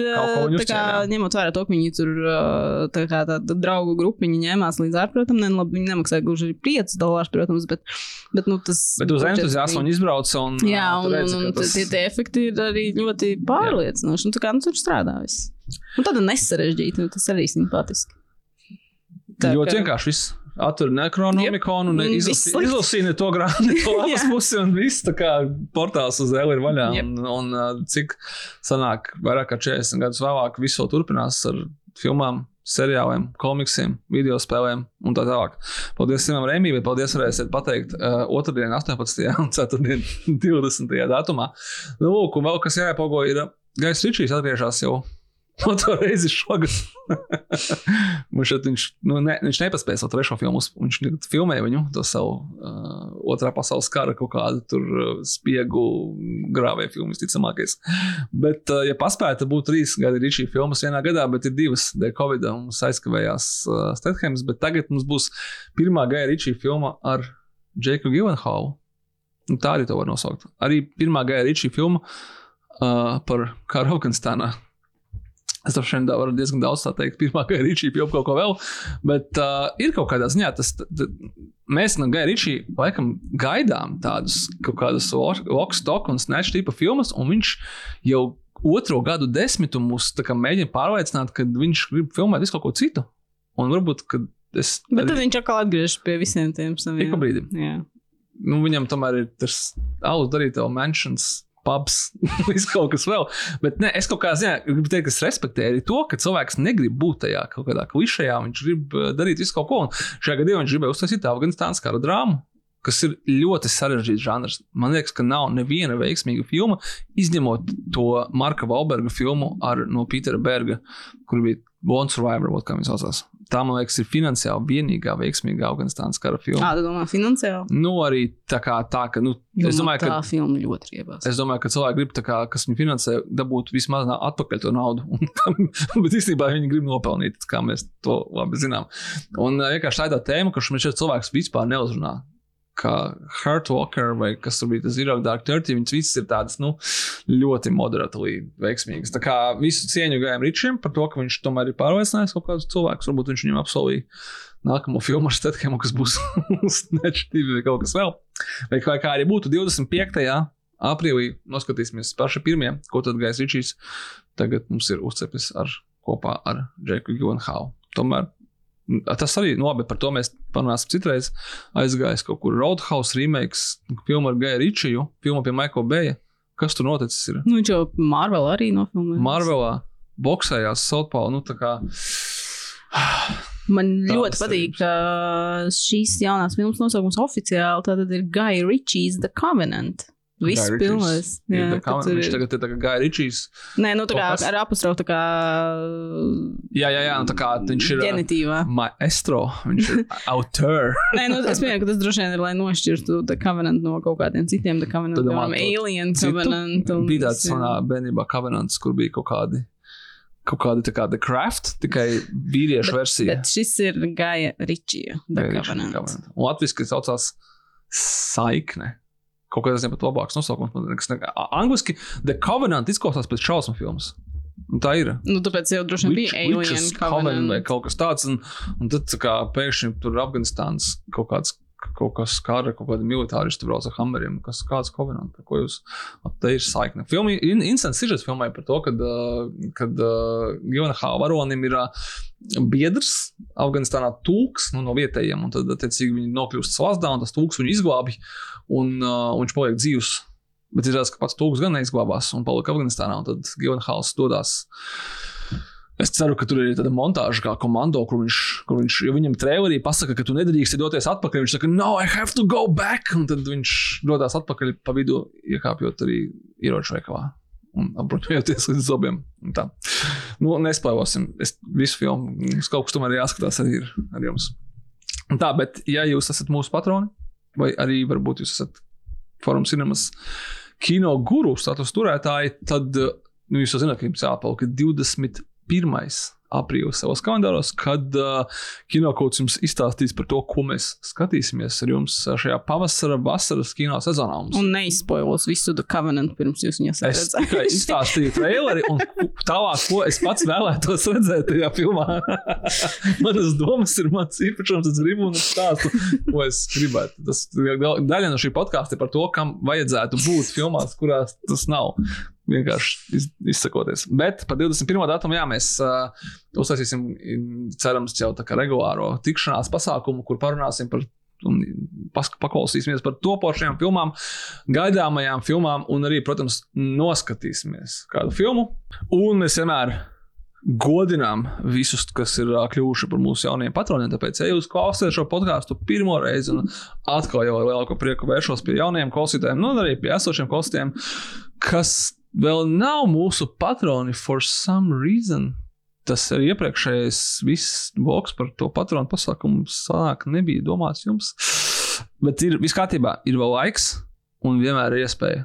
When there is a will, there is a way. Iespējams, citāts no kādas filmas, jeb arī uh, daļējais citāts. Nepārvaldīsim to. Es gribēju pateikt to, ka beidzot Nāmējs ir kļuvis par mūsu patronu pēc tam, ka viņš ir kopā ar mums seansos, Viktorīnos, pasākumos, visu kaut kur citur. Nu, kā saka, labs nāk ar gaidīšanu, bet uh, esiet kā namēs un kļūsiet par mūsu patroniem, bet neesiet kā namēs un negaidiet tik ilgi. Dariet to tagad uzreiz, un jūsu dzīve mainīsies un kļūs tikai un vienīgi labāka. Yeah, well, you know, that's just like uh, your opinion, man. Bet tagad gan par kādu jaunu filmu, kuru mēs esam noskatījušies, un es domāju, ka daudz no jums arī noskatījušies. Un, ko tur liekties, viņi ir arī pieminēti šajā podkāstā, pie viena no ziņu segmentiem. Tā ir uh, jaunā režisora Bena Afleka filma ar aktieri Benu Afleku un aktieri Metu Demonu un aktrisi Vajolu Deivisu un aktieri Jasonu Batemanu. Jasonu Batemanu un citiem aktieriem. Kris Tucker. Kristus Takers aizmirst, bet viņš uh, ir kur palika Kristus Takers, bet viņš nekur nav pazudis. Viņš ir pa viņam bijis kino. Viņš vienkārši parādās. viņš nav, viņš nefilmējās 50 filmās gadā vai tā kā, nezinu, vai vienādās filmās. Lai gan kur ir, kur ir Rush Hour 4? Cik, mēs, cik mēs varam gaidīt? Varbūt viņus enerģizēs Beverly Hills policists 4, kurš, starp citu, iznāks šogad. Viņš jau ir nofilmēts. Redija Murphy. Viss kārtībā. Filma eksistē. Jāgaida tikai, ka viņi iznāks. Jā, Bad Girl arī eksistē. Kura, kurā, kurā animācijas filmā bija tas kaķis, kurš to tā kā "Ū", teica Tas- šo te? Vai pusim būts? Jā, Ah, jā, pareizi. Jā, jā, jā, jā, tas ir tas, tas es, es to biju tā kā mēģinājis tagad impersonēt. Uh, bet Kris Takers ir filmā Air, un viņš tur ir brīnišķīgs. Viņam ir fantastisks sainas, īpaši tur, kur viņš tiekās ar, uh, ar Jordānu ģimeni. Un tā, nu, ko jau- bet, uh, jautājums, vai tev vai, Tom, vai jums ir Air Jordan Watts, Nē, bet vai jūs gribat viņu sev? īpaši nē. Es, gan, es gribu tagad pēc filmas. man vajag. Nu, lūk. Tāpēc es filmu neesmu redzējis, es negribu būt. Es gribu viņas, un vēl es gribu Under Armour, jebko. Jo The Rock man saka, ka. Nevis tekilu, bet Vai arī Tom, tu botas negribi, jo tu vēl neesi redzējis filmu. iespējams, Bet, iespējams. kad tu redzēsi filmu, sapratīs, ka tev vajag arī ielikt šo savu artavu, Michael Jordanu, lab- finansiālajā labklājībā. Kad es redzēju Black Adam, un man negribās ne Under Armour pastiprināt, ne viņa tekilu. Savu. Kas viņam vēl ir? Viņam ir kaut kāds enerģijas dzēriens.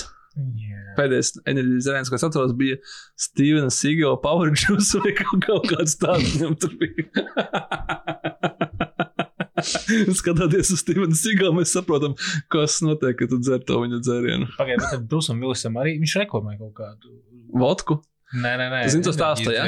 Brūsis Vilnis tiesājās ar poļiem, ka viņi tā kā teica viņam, ka uh, piedalījies kaut kādā mūsu tie poļu šņabī. Nu, tur bija kaut kāds baigi, baigi šēdī poļi ar kādiem krievu finansētājiem. Tas ir kaut kas, Rīgā taču arī bija plakāti, tur City Lightos un, un Billboardos, kur Brūsis Vilnis reklamēja kaut kādu, nu, nu tā nebija tā kā ne Finlandija, ne kaut kas tāds, ko tu esi pieredzējis. Tas bija kaut kas ļoti jocīgs. Tad es jautāju, kāpēc tur ir pēkšņi Brūsis bet, nu, zini, kā tas redz tās filmas, kurās viņš tajā brīdī piedalījās un saproti, kāpēc tur ir Brūsis Vilnis.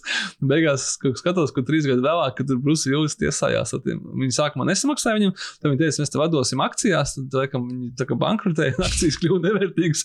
Brūsis Vilnis gribēja atkritīties beig beigās. Laikam viņam nācās nofilmēties vēl piecās vai sešās tiesās filmās, lai nosaktu tos zaudējumus un tā. Nu, gadās arī tā, dažreiz.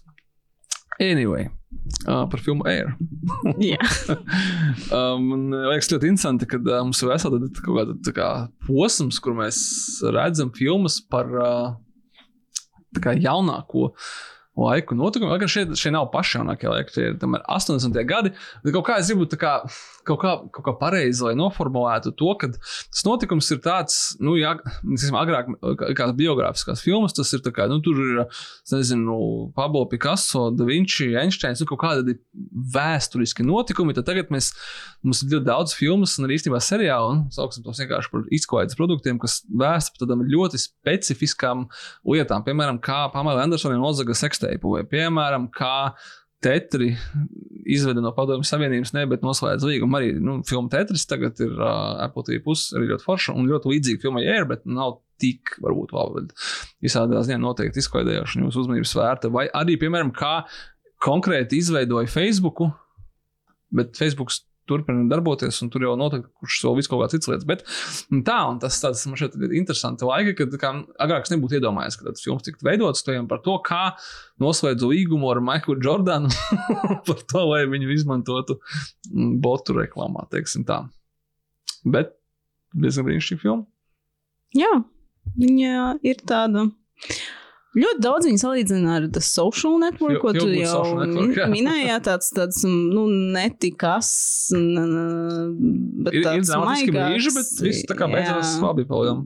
Bet man gandrīz viņu pat vairāk grib salīdzināt ar Moneyball. Jā, mm, bet, arī filma par kaut kādu ļoti jocīgu momentu. Jā kā tur Džeks samainīja beisbola pirkšanas. Kā, kur, kur, mēs nesaprotam, bet ir interesanti. Kur, jā, kur, teiksim, manībola beisbols pats par sevi tur, man liekas, nevien, spēli nevienu mēs tur neskatāmies tajā filmā, jo tas Billijs Bīns, kuru Brets Pistālo, viņš pats neskatījās viņas. Tas tur ir par to.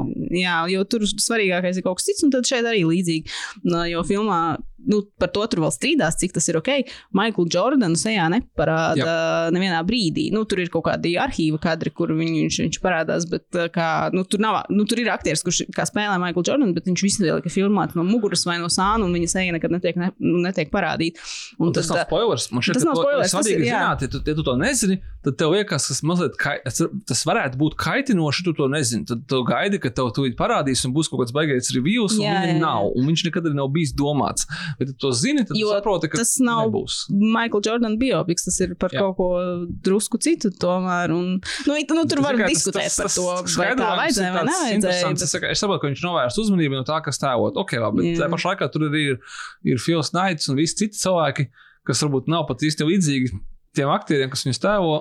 Un tur ar to problēmu vienam nav, ka viņi tiek atveidoti citādi. Nu, tas, vai arī tad, kā, ja viņi negrib rādīt, tad varbūt, tad, nu, es nezinu, tad izveidot to scenāriju tā, lai tev vispār nav vainas, kurās viņam vajadzētu piedalīties. Es īstenībā arī biju sagaidījis, ka tā tad šajā filmā, teiksim, jā, tad, tas man nedaudz pārsteidz. Es biju domājis, ka tiešām, ka viņi parāda visu apkārt, izņemot kaut kādus brīžus, kad viņš tiešām piedalījās. Bet nē, tur ir momenti, kur viņš sēž telpā, bet viņš ir nofilmēts tā, ka tur ir Krista Takera galva aizsākt. Jā, jā, tas tā kā, pilnīgi, tā kā atgādināja to, to, to momentu no Austina Powers, kur viņš tur puikas, man šeit kaut kur iet cauri un katru reizi ir kaut kas aizsardz attiecīgo viņa brīdi. Nu, tā, nu, tas ir tik dažreiz bišķiņ smieklīgi un, un varbūt kaitinoši, ja tu nezini, ka tas tā ir domāts speciāli. Bet, nu jā, bet, bet, jā, bet filma nav par to, filma ir par, par būtībā par Nike mārketinga komandas darbu, basketbola divīzijas tieši konkrētajiem darboņiem, kuriem bija jāatrod spēlētāji, ko sponsorēt, tad uh, tur viņiem bija šāds viens kungs uh, vārdā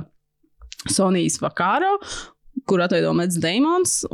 Viņš izdomāja, nē, mēs nevis nolīsim trīs jaunus daudzceļu spēlētājus, bet mēs liksim kā, visas likmes uz Jordanu. Mums viņu vajag dabūt, un tad viņi, kā viņi, jā, viņi uztaisīja to kurpi un kurpi. kurpi.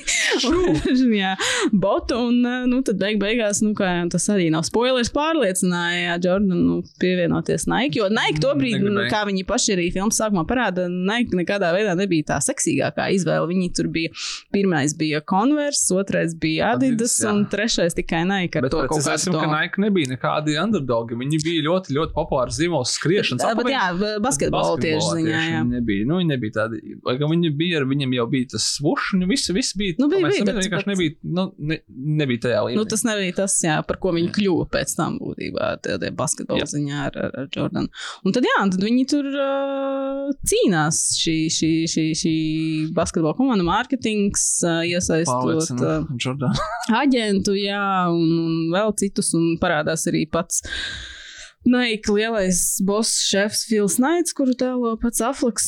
Ļoti man viņš patika šajā lomā. Es negaidīju, ka viņš. Es, es nezinu, es neko nezinu par Filu Naitu kā domāju, personu. Nav tāds, kā viņš tika parādīts šeit. Tu domā, ka viņš nav? Viņš varbūt, man liekas, nu, varbūt viņš ir tāds. Viņš ir tāds. Essence, varbūt tā, bet es domāju, ka. Jo viņš ir tāds, viņš jā. nav tāds, viņš nav tāds, tāds, tāds tipiskais CEO, kādu mēs iedomājamies. Viņš ir tāds, tāds nūģīgi, tāds neveikls brīžiem un tāds smieklīgs un tāds, nu jā, tur ir tie kaut kādi tie jobsīgie, tur budismu citā ekscentrisks vadītājs, teiksim tā. Bet, uh, bet uh, man ļoti simpatizēja Ben Affleka uh, Filks Naits šeit. Un tad, nu jā, tad, tad, tad uh, tāds labs scenārijs ar tādiem labiem jociņiem. Nu, tas ir tā, kaut kā, ka tas pausīja bija. Nu, tāds scenārijs. Bezzobaināks, kā- drusku Sorkins. Tas nav Sorkins, kurš bliež, nu, tā kā, nu, Viņi- kaut viņi- kāda. Tur nav kaut kādas beigas drāmas tajā filmā. bet It kā Nu, viņi, jā. viņi uzliek tās likmes, ir augstas, ka tie cilvēki tomēr var zaudēt darbus, un viņi tur bija tiešām tā kā riskējuši. Bet, tā nu, tālāk. viņi aizies strādāt citur. Nu, tur nav tā. Viss beidzās labi, un visi bija priecīgi. un Visi nopelnīja naudu. Naiks nopelnīja Nu, naudu. Nu, jā, Jordans tur- nopelnīja naudu. Tā kā, tā kā pat ja Naiks nenopelnīja tik daudz naudas, kā nu, tur arī par to, ka, teiksim, Jordanam pienākās un atlīdzība un tiek pasniegts, it kā ka tur kopš tā laika sportisti saņem arī kaut kādu atalgojumu par savu vārdu izmantošanu. un Tas bija kā pirmā reize. Nu, tas ir, man liekas, jā, tas vēl viens interesants elements, kā tu, tu skaties to filmu, tu priecājies, bet tu visu laiku tev kaut kur galvā stāv, ka, nu, ka nu, tu zini, ka tas beigsies labi un viss būs priecīgi, bet tas ir kaut kāds nu, korporatīvās, nezinu, alkatības slavinājums jau beigās. Nu, viņi, it kā, jā, viņi, viņi ļoti uzspiež uz to aspektu, ko tu tieši jā, minēji, ka, nu, ka šī darījuma rezultātā tagad eh, pēc tam biežāk bija tas, ka tie spēlētāji un sportisti kādas- saņēma jā. kaut kādus procentus vairāk, un ka, kā, nu, ka viņš tur kaut kādu miljonu. taisnība izcīnīja, bet, jā, bet, bet nu, kā beig, beigās Nike ir, jā, cik naudas sakās, nu, ka kā, nu, viens puses, nu, Bet neparādīja, cik nopelnīja Sonijas vakarā, bet man ir sajūta, ka neko viņš nenopelnīja par to. Nu, tā ziņā, ka no tiem miljardiem tur, kā, nu, viņš pēc tam tur aizgāja kaut kādā tiesasprāvā, vinēja studentiem, palīdzēja. Tā. viņi varbūt to negribēja rakstīt, lai tev nav tā kā tās korporatīvās alkatības sajūta. Bet varbūt arī viņš neko nenopelnījis. Es neesmu, liekas, tālāk par tur jāpasaka, bet man šķiet, ka tā kā tur neesmu Gan nopelnījis, Jordans pliks un nabaks, viņš nepalika, Nu, jā, nu, jā.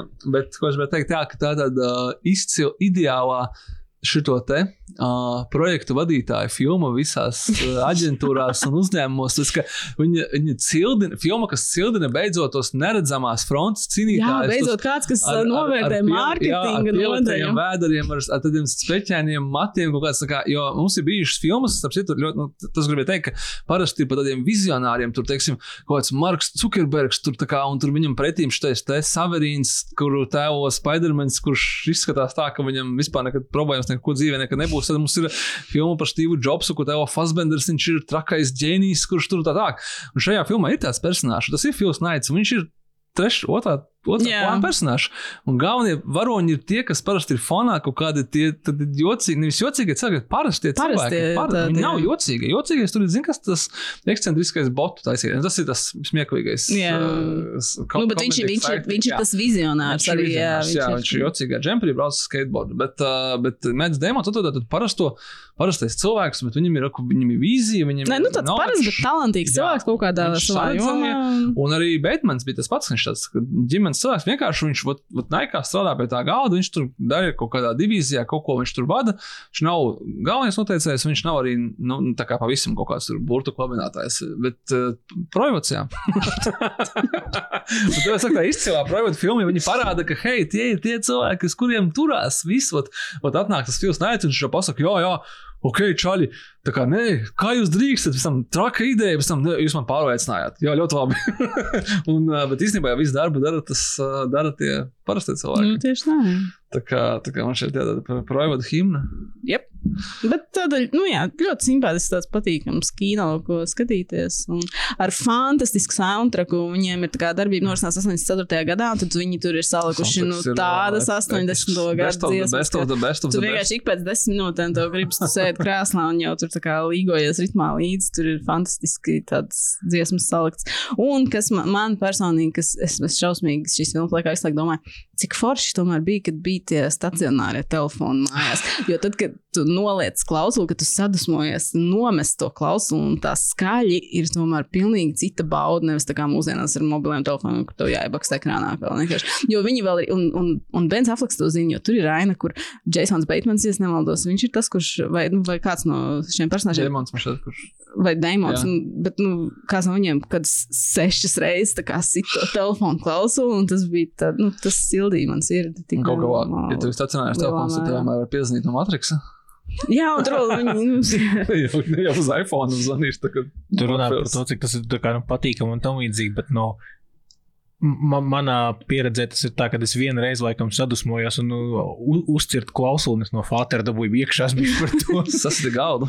Nē, nu, tā, tā ir arī māksla. Nu, nu, tā, kā, nu, tā, lai tu nesasi to telefonu, bet tu vienkārši ir jābūt tavam telefonam. Ah, nu, ok, varbūt jā. Tā, tā, tā. Bet nu, tur bija kaut kas skaists tajos, tajos telefonos. Jā, bet, uh, uh, ko es gribēju teikt, tā par Aflaku, ka tur uh, dažreiz jau patīk mums pasmīkņāk par viņu. Viņš jau man šķiet, jau ir bieži, un man šķiet pret savu gribu. Ir tāds dzeltenās preses varonis. Sākumā viņš ir sēdējis Aflaka, tad viņš tur ir. Nu, tā kā viņam tur viss labi ir Jennifer Lopez, bet tad, kad visi paparāci viņu filmē tur kaut kādās ne, nevajadzīgos Tad viņš momentos. neizstāsta gan priecīgi Grammy balvās, kur viņš īstenībā teica, viņš brīniš, brīnišķīgi pavadīs laiku. Jā, jau viņš tā kā neko nesaprot no mūzikas. Vienās Jā, viņš filmās vienkārši paklausīties, kas, kas jauns, kas, kas, kas aktuāls. piesējās. Un tā, bet uh, Bens Afleks ir, kas viņam, kur tā ir viņam piektā režisētā filma? Manuprāt, samaloties. mēģināsim, mēģināsim uh, pirmā viņam bija Gone Baby Gone, tad viņam bija The Town, tad viņam bija Argo, tad viņam bija Live by Night, un tagad viņam ir Air. Ja es esmu kaut ko izlaidis, tas tikai man palīdzēs, bet man šķiet, ka tas ir diezgan precīzi. Piecas filmas, no kurām četras ir universally acclaimed filmas un ļoti labas. Un Live by Night es noskatījos speciāli, lai man būtu pilna Afrika filmogrāfija. Un uh, forša filma, neveiksmīga, diemžēl. Nu, tā kā tāds nu, disa beautiful disaster, bet uh, viņu nodomi bija labi. Un viņš gribēja uztaisīt gangsteru filmu. Un kaut kā dažreiz tā ir, ka vienkārši neslēdzās. Visas iz, izēvielas ir super. Nu, vienkārši neslīdās kopā. Nu, kaut kas nes- nestrādāja vienkārši. Bet uh, tas nenozīmē, ka uh, intentions were bad. Uh, un es padomāju, ka, hei, kuram vēl aktierim, kurš ir kļuvis par režisoru, ir no piecām filmām četras, tā kā he just knocked out of the park. Un tā kā ļoti, ļoti labi. Tas ir puse, puse Tarantino filmogrāfijas. Uh, un es domāju, ka nu, daudziem vajadzētu pasapņot par tādu režisoru, režisoru karjeru, kāda ir Afrika. Tāpēc, ka rītīgi, rītīgi krūtis films, tikai viena no cita neveiksme. Nu, labi, viņam, viņu piemin to neveiksmi, bet, uh, bet uh, kā mēs tagad redzam, nu, nevar būt tā, ka tev ir četras filmas ļoti labas, un tad viena ļoti slikta, un tas tā kā tev ar tām četrām paveicās. Nu, nekā nebija. Tā kā tā, es domāju, ka, ka mēs varbūt nenovērtējam, to režisoru karjeru, kad īstenībā ir jā, daudziem režisoriem ir nezinu, trīs labas filmas un trīs sliktas filmas, vai divas labas, par kurām viņi tiek cildināti. Nu, es nezinu, mēs runājam jau daudz par visiem jauniem, tur arī Asteriem un, un Egersiem, un tā, kuriem ir mazāk labu filmu kā Afrikam, un viņi nav neko īsti pierādījuši. Es gribēju teikt, klūnī piesaukt, bet viņš viņam bija ir vairāk Viņam ir, filmu? jā.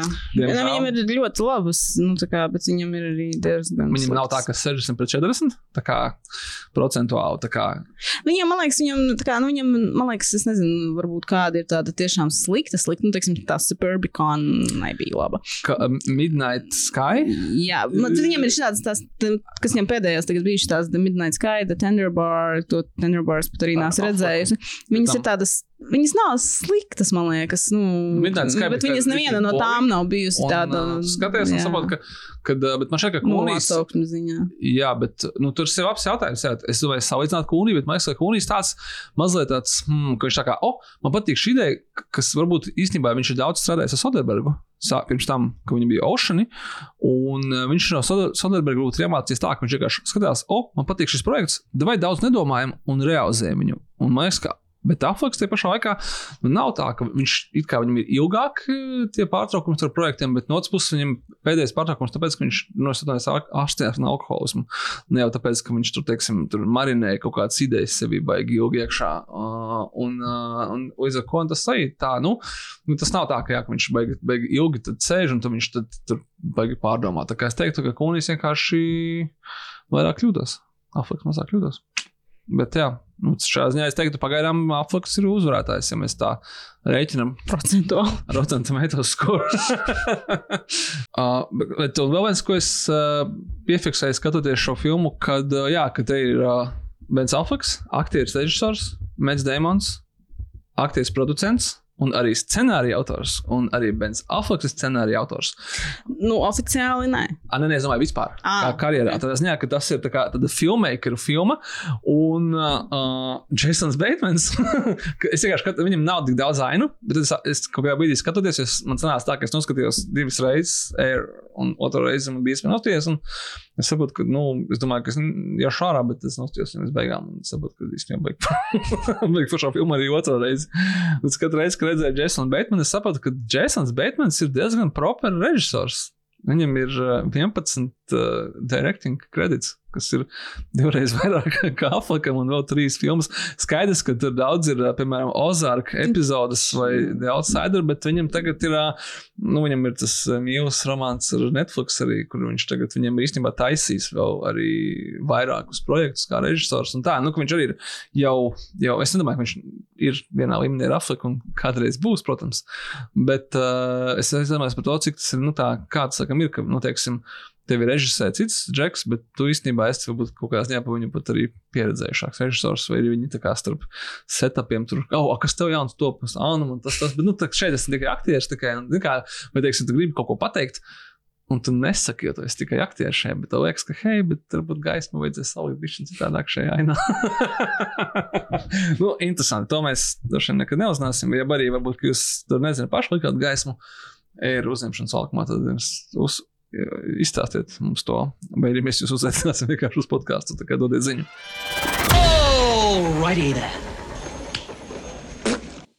Uz nākamo reizi gan jau mēs būsim kaut ko noskatījušies. Mums nākas kaut kas interesants. Renfields. Es plānoju aiziet nostīties. Uh, Tā bet... bija viena no Toma gaidītākajām filmām šogad. Varbūt, ka jā, noskaties, atsauksmes nav baigas spīdošās, bet. bet bija ok, cik tā arī bija. Judge, vai ne? Pirms mēs noskatījāmies. Bija ok? Nu, es redzēju, bija ok atsauksmes. Es neesmu filmu redzējis, viņa man iznākusi. Jā, jā, es tā, es apstāstu. Tā, nu, zikā, nu, tā, filmas garums 91 minūte vai 89 minūtes. Ideāli. Tas man ir pārliecināts par to, ka, ja pat ja viņi ir fufels, tad tas būs ļoti ātrs fufels. Nu, ne, ha, nu, jā, nu, nu, ko man, Nikolas Keits kā, kā Drakula. Es ļoti respektēju filmas, kuras zinu, cik garām viņām jābūt. nu, tā var pateikt arī tā. Džeims Kamerons tev nepiekrīt. Ne, vai piekrīt? Viņš zina precīzi, uh, cik garām viņa filmām jābūt. Jā, bet es nepiekrītu, cik garām jābūt Džeims Kamerona filmām. Jo viena no ziņām, ko mēs izlaidām, ir tāda, ka viņš grib trešā avatāra melno versiju, kas ir 9 stundas gara, uztaisīt arī par viņa īsto versiju, kuru tad mēs visi skatīsimies mājās. Nu, kinoteātrī līmenī viņš mūs pasaudzēs un tā. Tas ir līdzīgi kā filma 65. Viņa perfekti arī zināja, ka viņai ir jābūt pusotru stundu garai un ilgāk. Bet viņai bija jābūt 65 minūtes garai. Bet tad viņi neklasificētos pilnvērtīgos filmē, diemžēl. Vai arī klasificētos. Viņi pievērš kaut kādu interesantu īsfilmu, sākam par dinozauriem, un here we go. Labi, tā jau esam iebraukuši gandrīz divās stundās. Tom būs, nebūs. Nebūs, ja viss kārtībā. Bet mēs arī neizaicināsim jūsu uzmanību, un Renfieldu un arī citus filmus atstāsim nākamajai reizei. Lūk, bet uh, mēs savu uzdevumu šodien šeit esam, manuprāt, ļoti cienīgi pabeiguši.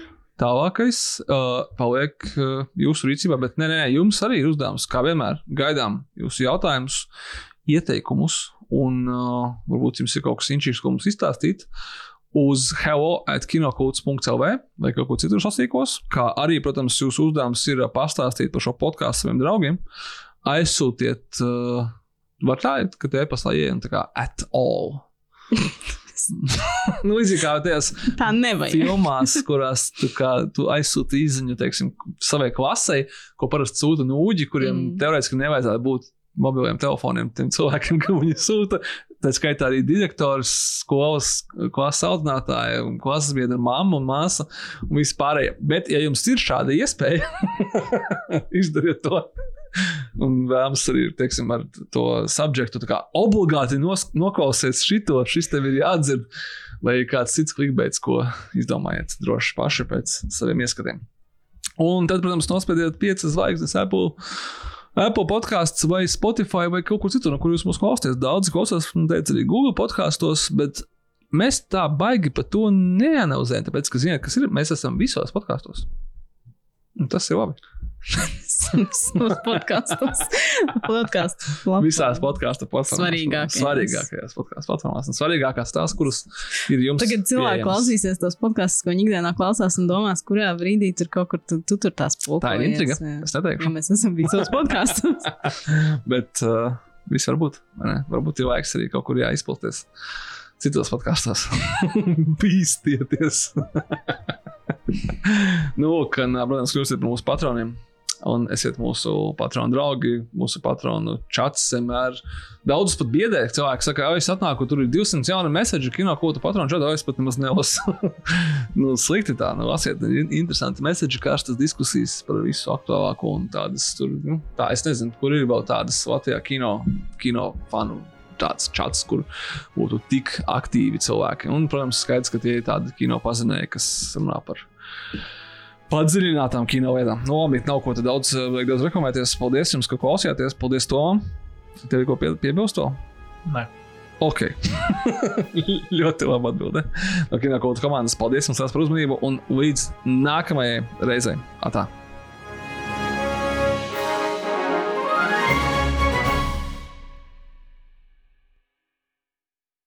Did you put your name into the goblet of fire, Harry? Dumbledore asked calmly.